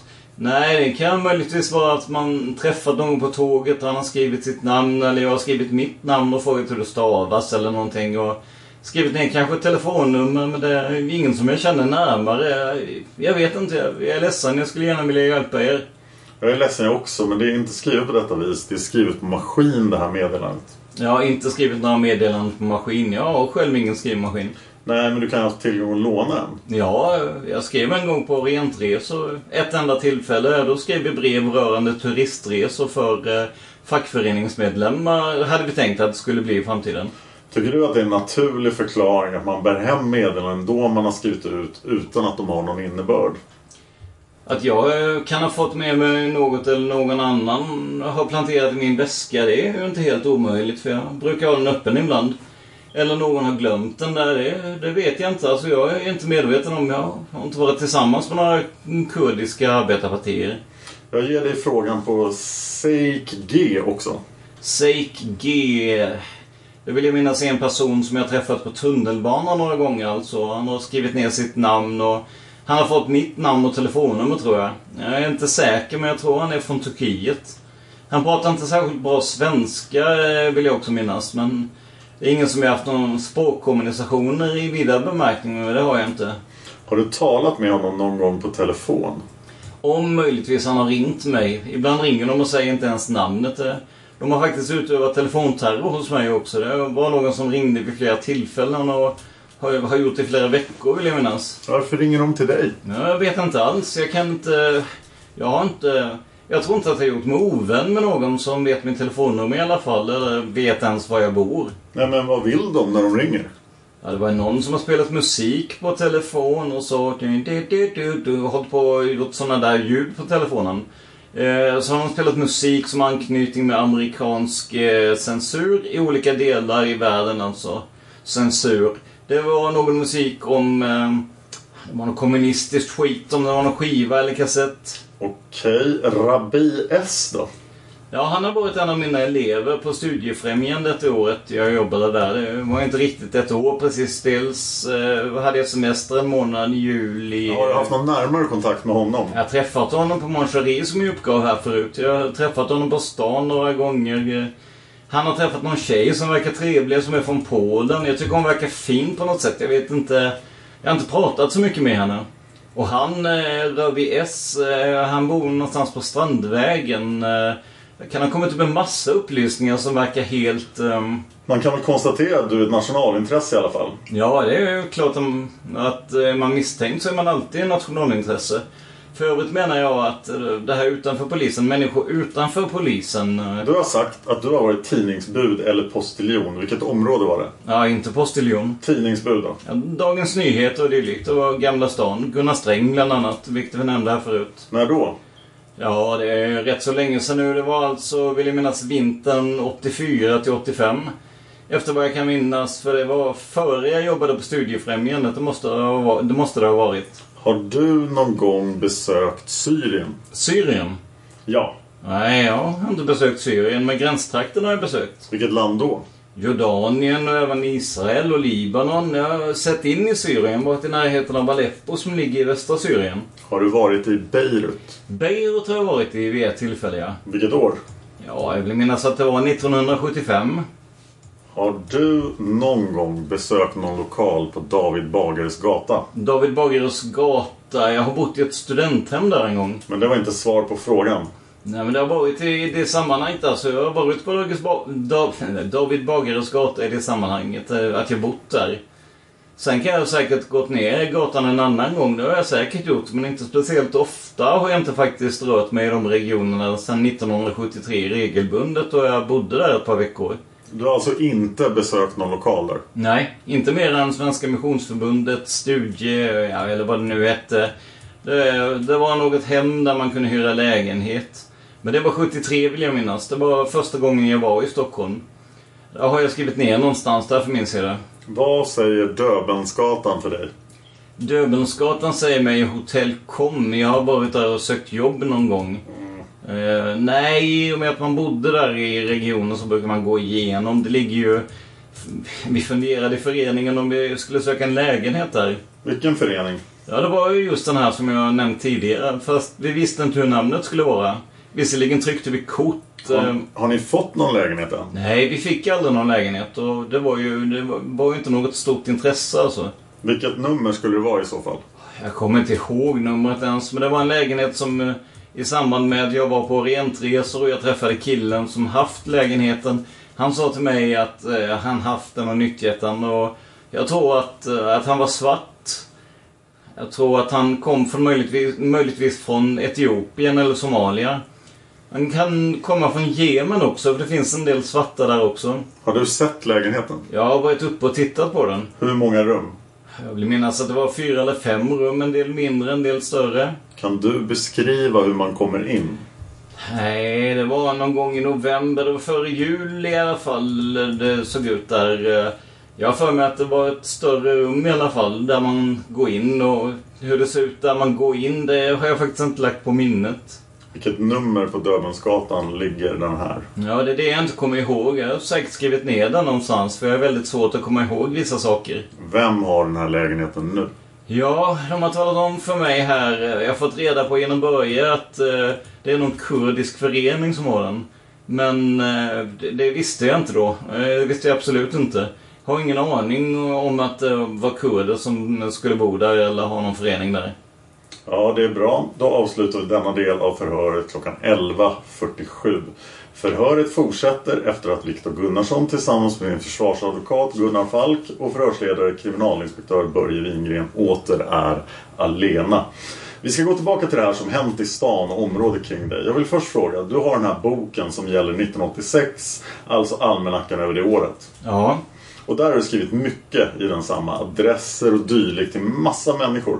Har du någon förklaring till varför just sidan som gäller den 20 fram till den 26 februari 1986 är utrivna ur boken? Nej, det kan vara att man ibland drar ut en sida för att man ska skriva upp ett telefonnummer som man ska lämna till någon person. Det har hänt flera gånger att jag har gjort det. Det har hänt? Ja, då, det, det händer allt som oftast. Ingen annan förklaring? Nej, jag kan inte hitta någon förklaring till det. Nej. Det stod nog eh, censur på en sida. Jag tror jag skrev ner någonting där.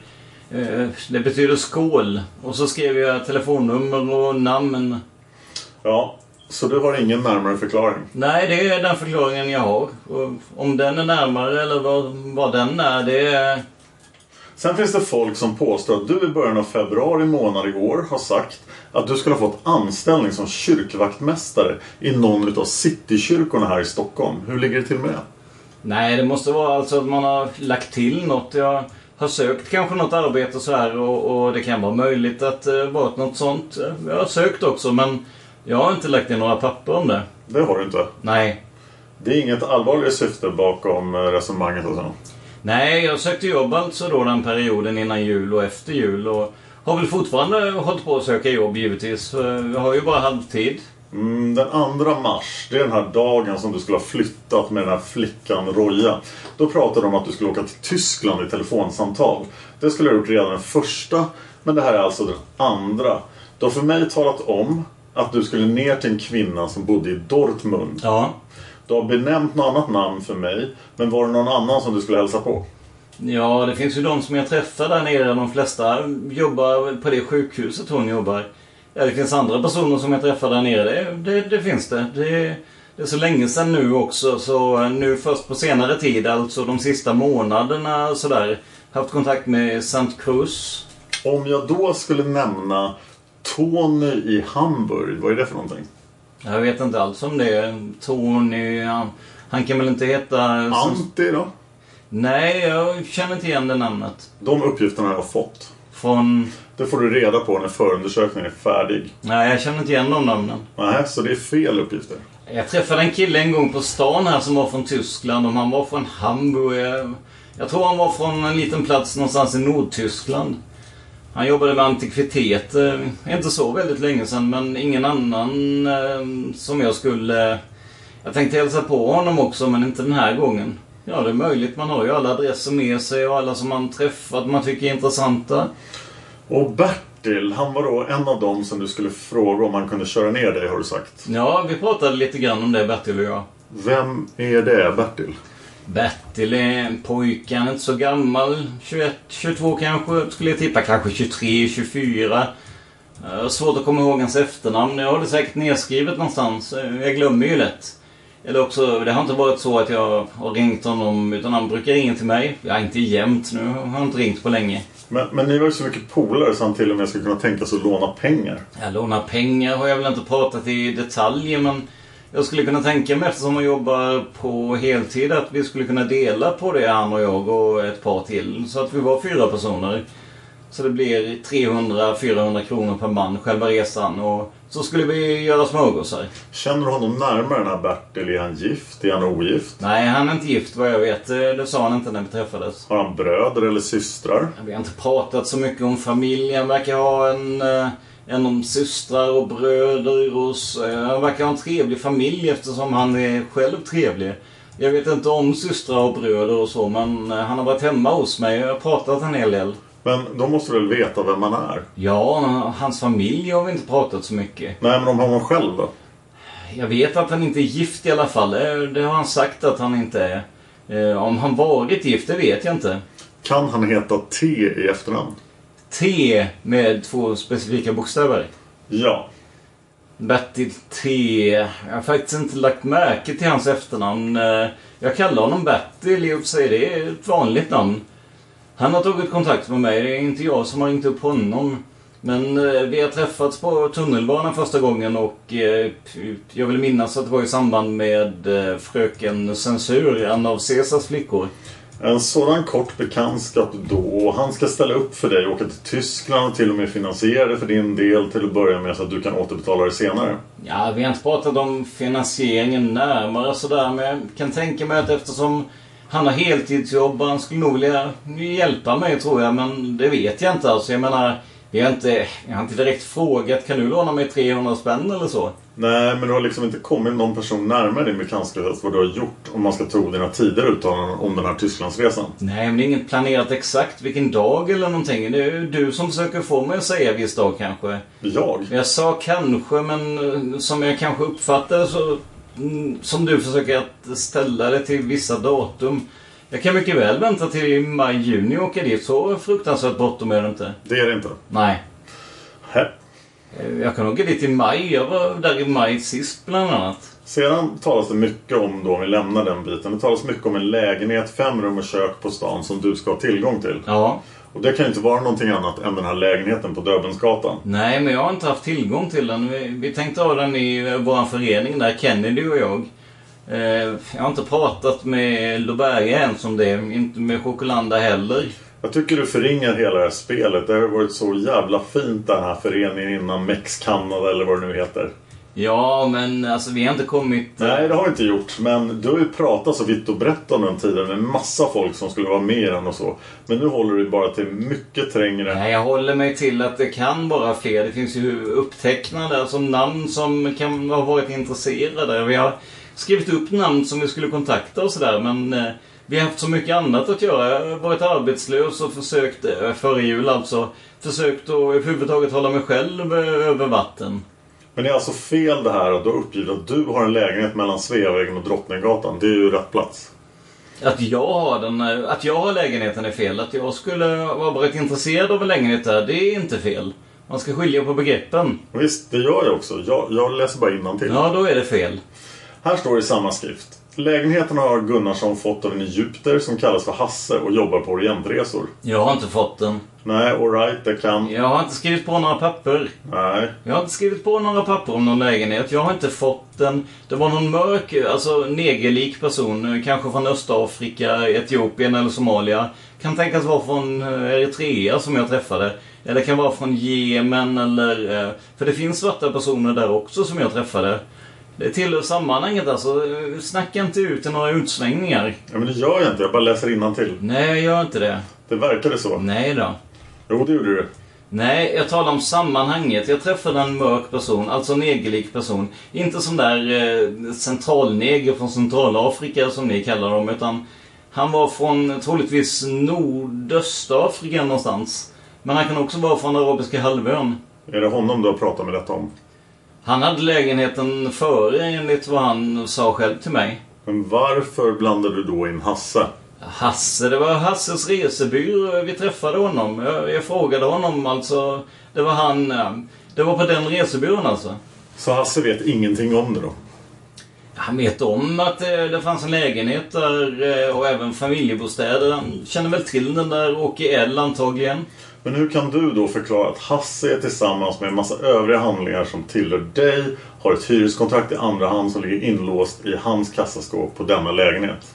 Ja, det är i så fall... eh, Jag har icke skrivit under no några kontrakt. Det har jag inte påstått, men jag säger att där ligger ett sådant. Ja, men då har de gjort det i så fall. Då har de fixat det.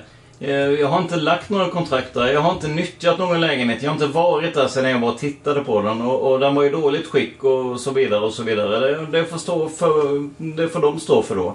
Ja, det är inte alls din grej utan dig. Det är utanför mig totalt. Jaha. Ja, Det var länge sedan jag var och såg den lägenheten. Det måste varit ganska länge före jul. Och sedan dess har jag inte varit där. Jag vet att eh, Susanne B som är fotograf har bott där. Hon har uppgivit den adressen. Jag har aldrig varit hemma hos henne. Ja, det är ju ett hus vid sidan om, men annars är det rätt. Ja, jag, jag har aldrig varit där hos henne. Men, men jag har varit och tittat på lägenheten en gång. Men, men det är länge sedan. En människa säger också, men det måste tydligen också vara fel om man ska tro på det själv, säger att du klart och tydligt har uttalat följande. Jag mördar inte vanliga människor, men den som sätter dit mig mördar jag.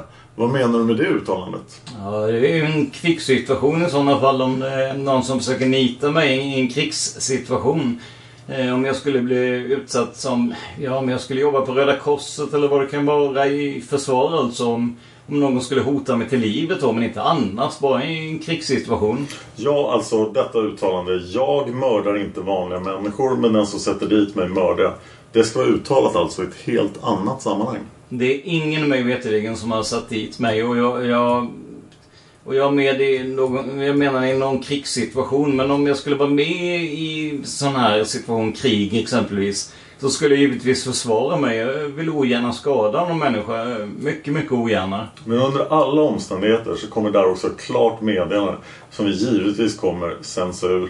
Det att du har sagt i slutet av förra året skulle du ta emot en grovkalibrig revolver. Är det också fel? Fullständigt vansinnigt. Jag skulle inte alls mottaga några pistoler. Har du pratat om några pistoler? Eller några gevär. Nej, jag brukar inte prata om gevär. Jag vet inget om pistoler och revolver. Praktiskt taget ingenting. Uppgiften är alltså helt gripen ur luften? Fullständigt gripen ur luften. Som mycket annat här. Det är vansinnigt. Jag blir mycket beklämd alltså när folk anger mig och säger falskt om saker och ting. Jag skulle inte ta emot några pistoler. Det är skitsnack.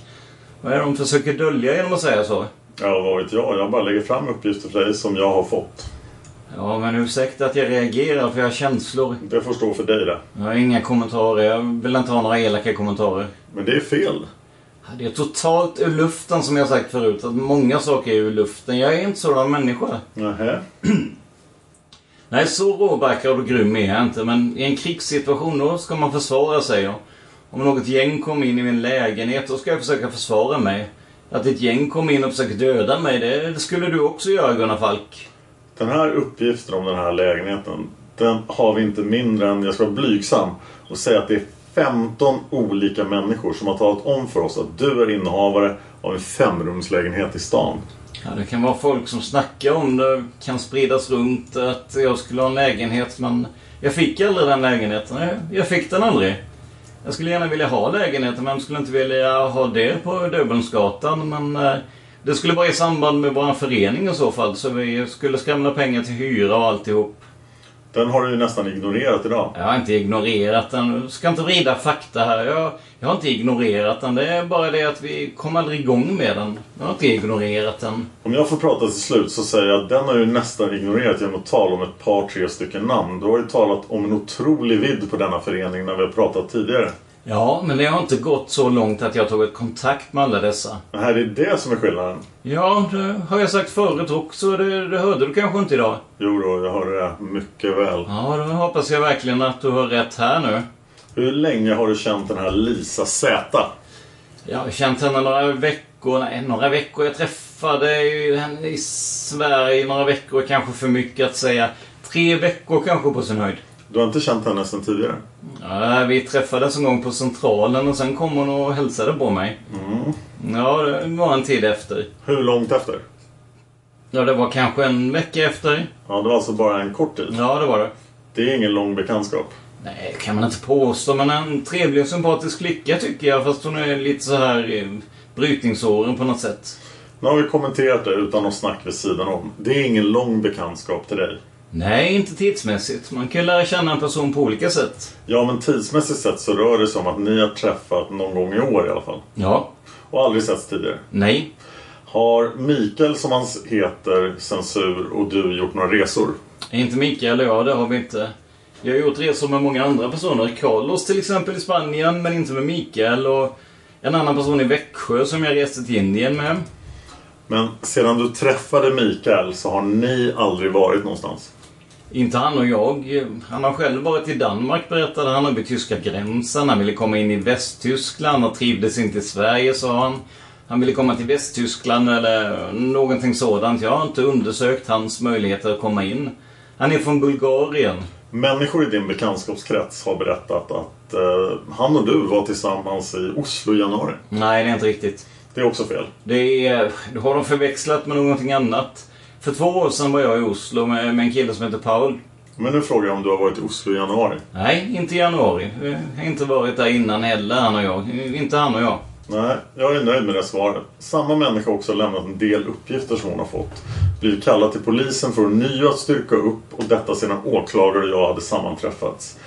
Eh, hon och jag är helt överens om att eh, sådana här grejer, det säger man inte sådär utan man vill höra om människan i fråga. Hon uppgiver, jag vill tala om det än en gång för dig, att den fjärde, och där vänds kassetten och några ord försvinner. att Olof Palme står på dödslistan och blod kommer att flyta på Stockholms gator. Det kommer att bli blodbad. Jag är i sammanhanget, du, du bryter loss det från en sammanhang om det är det du gör eller om det det är hon som gör det. Det kan jag inte uttala mig om. Men det är ett sammanhang att Stanley Sjöberg har sagt, eh, har jag hört talas om, skulle stå på dödslistan. Alla kända personer som har inflytande i Sverige skulle stå på dödslistan i händelse av en sovjetisk invasion. Det är i det sammanhanget. Du frågade mig förut och det är ett mycket, mycket speciellt sammanhang. Det är alltså, om jag tolkar det rätt, så är detta någonting hon har fått ut av en längre förklaring som du har gjort. Ett sammanhang, ja. Med kommunistisk inblandning. Exakt, ett sammanhang. Mycket, mycket speciellt kontext, herr kommissarie. Har du frågat en flicka om hon vill göra ett skenäktenskap med en man från Libanon? Ja, det kan... Jag kan inte komma ihåg, men det kan vara nu. Med, med en man från Libanon? Nej, det är väl... Nej. Men det är fel. Ja, inte en man. Vem skulle det vara i så fall? Jag bara undrar. Du kan väl svara kortfattat? Nej, jag känner inte till någon man som skulle behöva gifta sig. Har du använt något annat legitimationsnummer, alltså folkbokföringsnummer, vid något tillfälle? Nej, inte på några ID-kort. Jag har inga falska ID-kort. Det finns uppgifter om att du ska ha använt 490328 eller 490329 och då tillsammans med ditt namn som du kallar dig Viktor Gunnarsson. Ja, det är ju i så fall i samband med SL-kortet. Det är ju bara på skoj. Man skriver sådär därför man just är tvungen att skriva det och då tänker man så här, ja det där är ju löjligt. Uppgifter har också kommit in sådär lite pö om pö om att de som var hemma hos dig och som svarade i din telefon så fick man aldrig säga ditt namn eller det namnet som man själv hade som svarade. Och anledningen till det skulle vara att du trodde att du var avlyssnad. Ja, man kan misstänka sådant. Det finns ju folk som kan gå in på linjer, även spioner tror jag. Det kan finnas folk som jobbar på Televerket som jobbar i spionage. Det finns folk som har varit inne på företag i Sverige och som har blivit misstänkta för spioneri på företag i Sverige. Så det är ju inte helt otänkbart. Nej, så man ska vara försiktig när det gäller sådana saker. Och jag vill inte att någon ska komma och döda mig i min lägenhet. Det var en allmän försiktighetsåtgärd. Jag har varit på andra ställen i världen så jag vet att det kan vara farligt att uppge både namn och annat. I och för sig har jag gjort det i andra sammanhang, men det är när man... Det, det är när man synbarligen inte kan tänka annat än att det är sympatiska människor, men man vet inte det. Men man vet inte det. Det, det finns ju någon som misshandlar folk. Man får reda på det efteråt att eh, de misshandlat grovt till och med. Eh, och eh, man blir väldigt chockad. Alltså sådana personer som man inte skulle tro sysslar med misshandel, varken kvinnor eller andra. Man kan bli chockad för mycket här i världen. Vi har fått ett annat meddelande från en person som man absolut inte kan tänka sig fara med osanningar. Han har också uppgift att du ska ha ett vapen och det är inte någon i din närmaste krets. Nej, det tror jag inte. Det är nog inte någon som känner mig. Nej, men varför säger han så här? Ja, det kan vara att han vill att jag kanske ska fara illa för det här. Jag har inte hållit på med några vapen och jag har inte fått några vapen. Den enda gången som jag har ansett här och det, det är som jag sagt inte bara ansett utan jag säger rent ut att eh, jag har inte varit i kontakt med det sedan Abab. Och, och varken före eller efter Abab så har jag hållit på med några skjutningar. Men du uppger för en person att du har en Magnum-revolver hemma i Stockholm. Det kan ju vara helt... Alltså det, kan, det kan vara helt... eh, Jag tror inte jag sagt just så. Det kan vara tillvrängt alltså. Att man har sett på film folk som använder Magnum. Man har sett Magnum. Nej, men vi har inte pratat om film, jag pratar om vapen. Nej, men man kan ha diskuterat vapen om man har sagt, nämnt alltså Magnum i vissa sammanhang. I film till exempel. Men eh, jag har inte sagt att jag har någon Magnum alltså. Jo. Vem skulle detta vara? Är det han nere i Blekinge? Ja. Jag skulle vilja tippa att han vill säga någonting sådant dumt. Varför skulle du tippa det? Ja, det, därför att han, han kan tänkas vilja mig något illa. Det är inte samma man. Det kan vara någon annan där nere. Det finns gott om angivare i Sverige visade sig. Detta är inget angiveri. Ja, angiveri. Om ni plockar upp folk där nerifrån som känner den ena som känner den andra. Nej, de har tagit kontakt med oss. Ja, men det är i sådana fall en information som jag kallar angiveri. För jag har inte pratat om... Eh... Gunnarsson uppger för denne mannen att han har en Magnum-revolver hemma i Stockholm. Det är för det första inte lagligt att ha några Magnum-revolver vad jag vet. Jo då, har man bara licens på dem? Jag har aldrig haft några licenser på några Magnum. Ja, det vet jag. Eh, Jag har licens på telefon i vissa perioder, men inga Magnum, inga pistoler. Så denne mannen, han ljuger han också? Han hittar på det. Det är taget ur ett sammanhang. Vi kan ha pratat om Magnum Force. Vi kan ha eh, pratat om Magnum millimeter och sådär. Jag är inte så hemma i kaliber och sånt där. Och jag vet skillnaden på vapen. Det är många som har frågat mig. Jag, kan inte ens känna igen en eh, censur exakt. Även om jag har sett en kopia på en censur tror jag. Till och med här i Sverige faktiskt i någon affär. Det finns någon affär på Kungsgatan tror jag. Jag har varit inne och tittat på prylar, eh, sådana där souvenirer. Jo, men vi behöver ju inte. Nej, men jag pratar om alla vapen. Jag är precis ärlig alltså. Jag pratar om allt som, kan, som jag kan ha sett. Och alla de här människorna är oärliga. Ja, i dessa avseenden. Det är inte säkert att de är oärliga i andra avseenden. De sköter sig säkert. De sköter sig säkert när det gäller arbete, när det gäller eh, mor och far, eh, i kontakten med arbetet och morsan och farsan i kontakten med sin far. Det, det finns ju en av dem tydligen som är polis. Om, om det är tyngdlyftaren där, hans far är polis. Men det har inte alls med saken att göra. Det har inte med saken att göra, men det kan ha med saken att göra att ni kan ha kontakt med sådana som jobbar inom polisen. Och ni kan tänka er så här, jaha, han kanske har träffat polisen där nere. Ja, inte jag i alla fall. Man kan försöka få tag i information där nere från där jag har bott en längre tid av mitt liv. Där sparas nog ingenting. Där sparas nog ingen möda. Nej, det gör det inte. Nåväl, vi går tillbaka till den här Döbelnsgatan den kurdiska föreningen har. Jag känner inte ens till den. Nej, det behöver du inte göra. Det har jag inte påstått. Men klart är att de bor där. Ja, det var sorgligt. Men familjebostäder, det är att få väl säga ganska seriöst företag. Ja, det är möjligt. Det är väl kommunalt tror jag. Till och med det. De säger att det är en helt annan lägenhet. Som jag... Ja, som du ska ha tillgång till. Jaha, det är möjligt. Vilken är det? Att de säger så, det är, det är möjligt att de säger så men jag... Jag var intresserad i så fall på den lägenheten som jag tittade på. Jag har för mig att det var fyra eller fem rum. Jag vet inte. Jag kommer inte ihåg numret på gatan eller numret på lägenheten. Men har du kanske den? Nej, jag har ingen lägenhet där inne. Jag skulle önska att jag hade lägenhet i Gamla stan eller... eh, Men du hade ju nycklar som jag var uppe och visade. Det är någon som har planterat dem. Jag känner inte igen dem. Det tycker jag är också att någon planterar nycklar hemma hos dig. Ja, det tycker jag verkar skrämmande. Det, kan vara någon som har glömt det. Jag misstänker att det kan vara någon som planterat dem där också. Det kan det vara. Ja, jag har sett... eh, Men varför misstänker du att någon planterar nycklar hemma i din lägenhet? Jag misstänker det därför att jag känner inte igen dem. Jag har inte använt dem själv, nycklarna. Jag har inte en skapande aning om var, var de kan komma ifrån. Men om någon glömmer nycklar hos människor som man vet, ja då hör man ju av sig. Ja, kanske man gör. Ja, det är därför jag misstänker att han, man har planterat dem. Ja, det är det som gör misstanken mot plantering av nycklarna i din lägenhet. Ja, jag vet 17, jag vet 17. Jag, jag har inte sett dessa nycklar. Jag har själv haft kopior på min egen lägenhet som jag fick av honom som hade lägenheter förut. Men eh, det, det var en lägenhet som gäller, nycklar som gäller min lägenhet. Men då fanns inte dessa med i bilden? Nej, det är möjligt. Jag har alltså... Det kan vara möjligt att folk glömt dem i lägenheten när jag bodde i Gamle... Som har kommit med i packning. Inte helt omöjligt att det är folk som har glömt dem där ute. Jag svårt att tänka mig. Du kan ju prova dem på den här lägenheten i så fall. Det skulle jag göra i så fall om jag var i ditt ställe. Det skulle jag nog också ha gjort, så att du behöver inte vara orolig för det. Nej, det, jag är inte orolig för det, är inte det. Men tycker du inte det är en krystad förklaring än en gång? Nej, det är ingen krystad förklaring för jag har inte sett nycklarna. Du pratar om krystat. Jag tycker... Jag kan inte påstå att det är något krystat att man, att man säger att jag har inte sett nycklarna. Alltså jag har sett nycklarna att, att de har legat där alltså. Det kan vara möjligt att de legat i min jacka. Det kan vara möjligt att de legat i en låda. Eh, jag har för mig att de låg i en låda, alltså eller legat i diskbänken eller någonstans där. Men jag undrar att... Men, jag har inte tänkt så mycket. Jag menar, är det någon som har glömt dem så kommer de väl tillbaka. Ja.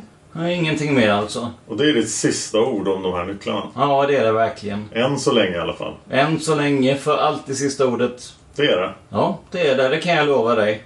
Det kan jag se vem som helst i ögonen på. Ja, ja. Det kommer i ett annat läge med de nycklarna. Nej, jag polerar ingenting för det är ju någon som har planterat dem där. Det är, det är en sak. Det kan vara Maria och haft tillgång till nycklar om hon har haft folk där. Det vet jag inte. Maria, vem är det? Maria från Finland. Skulle hon vara så jävlig som hon... Men det kan ha varit någon som har varit med henne. Jag vet inte. Det kan ha varit någon som har varit med henne som haft nycklarna. Det kan vara någon som varit hemma hos mig. Jo, men du som är sån, du har ju hållit på i flera timmar höll jag på att säga med utläggningar som verkligen är informerande. Ditt minne det är helt strålande måste jag säga. Du sitter här och skyller på minnet. Det får du sluta med tycker jag. Nej, jag skriver ner vissa saker och det har hjälpt minnet. Och jag upprepar och tittar på anteckningen ibland flera gånger om jag anser att det var viktigt. Då, då kommer jag ihåg lättare. Om jag får prata till punkt. Men jag vill inte att du ska komma med sådana där fula påståenden. Jo, jag får lov att göra det. Det är fult. Jag får lov att göra det säger jag. Jag säger att det är otroligt imponerande. Vänta så jag är färdig är du snäll. Det är imponerande att höra dig med dina utläggningar. Helt imponerande måste jag säga. Och jag är inte ensam om att tycka det om jag ställer det i relation till vad du inte vill komma ihåg. Nej. Vänta till det blir din tur ska du gärna få kommentera med vilka ord du vill. Det är starkt, mycket starkt. Jag har ju bara censur fram sju, åtta olika saker här gällande uppgifter om censur och lägenheten och dylikt idag. Och det är ju fel från allihopa. Det är ryckt ur sitt sammanhang. Det är ryckt från sitt sammanhang det här med pistoler och Magnum som du har refererat till här. Det är rykten, osanna, det är, det är vad jag kan säga. Jag har själv inte haft någon Magnum. Man kan skoja med någon människa och säga jag har en, en eldstudsare hemma och sådär. Det kan vara ett skämt men jag skulle absolut inte påstå att jag har haft någon Magnum. Jag har aldrig haft det. Jag gillar inte vapen. Jag ogillar, jag hatar vapen. Jag vill, vill inte ta i dem ens. Vi slutar med att Gunnarsson hatar vapen. Förhöret avslutas klockan 12.29. Stockholm dag som ovan. Börje Wingren, kriminalinspektör. I hörbara delar rätt avskrivet intygas av Ann-Marie S. Tobias, vi är klara! Vi är klara! Oj! 300, vad sa vi? 307 sidor någonting va? 307 sidor. Ja. Och där avslutade vi alltså till slut det 307 sidor långa förhöret med Viktor Gunnarsson som inleddes den 14 mars 1986. Nu kommer jag gå tillbaka till utredningen. Vi kommer se vad granskningskommissionen har att säga om det här förhöret och framåt. Vi kommer att titta inuti labyrinten. Vi kommer att titta i andra böcker som har skrivits sen. Vi kommer att följa utredningen mot Viktor Gunnarsson till det bittra slutet. Man hittar Palmes mördare om man följer PKK-spåret till botten. Därför att ända sedan Julius Caesars tid har jag aldrig hört talas om ett mord på en framstående politiker som inte haft politiska skäl.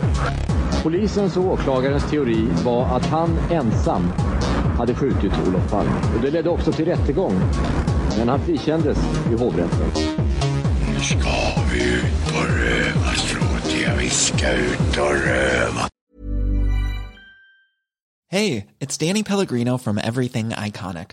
Ready to upgrade your style game without blowing your budget? Check out Quince. They've got all the good stuff shirts and polos, activewear, and fine leather goods, all at 50 to 80% less than other high end brands. And the best part? They're all about safe, ethical, and responsible manufacturing.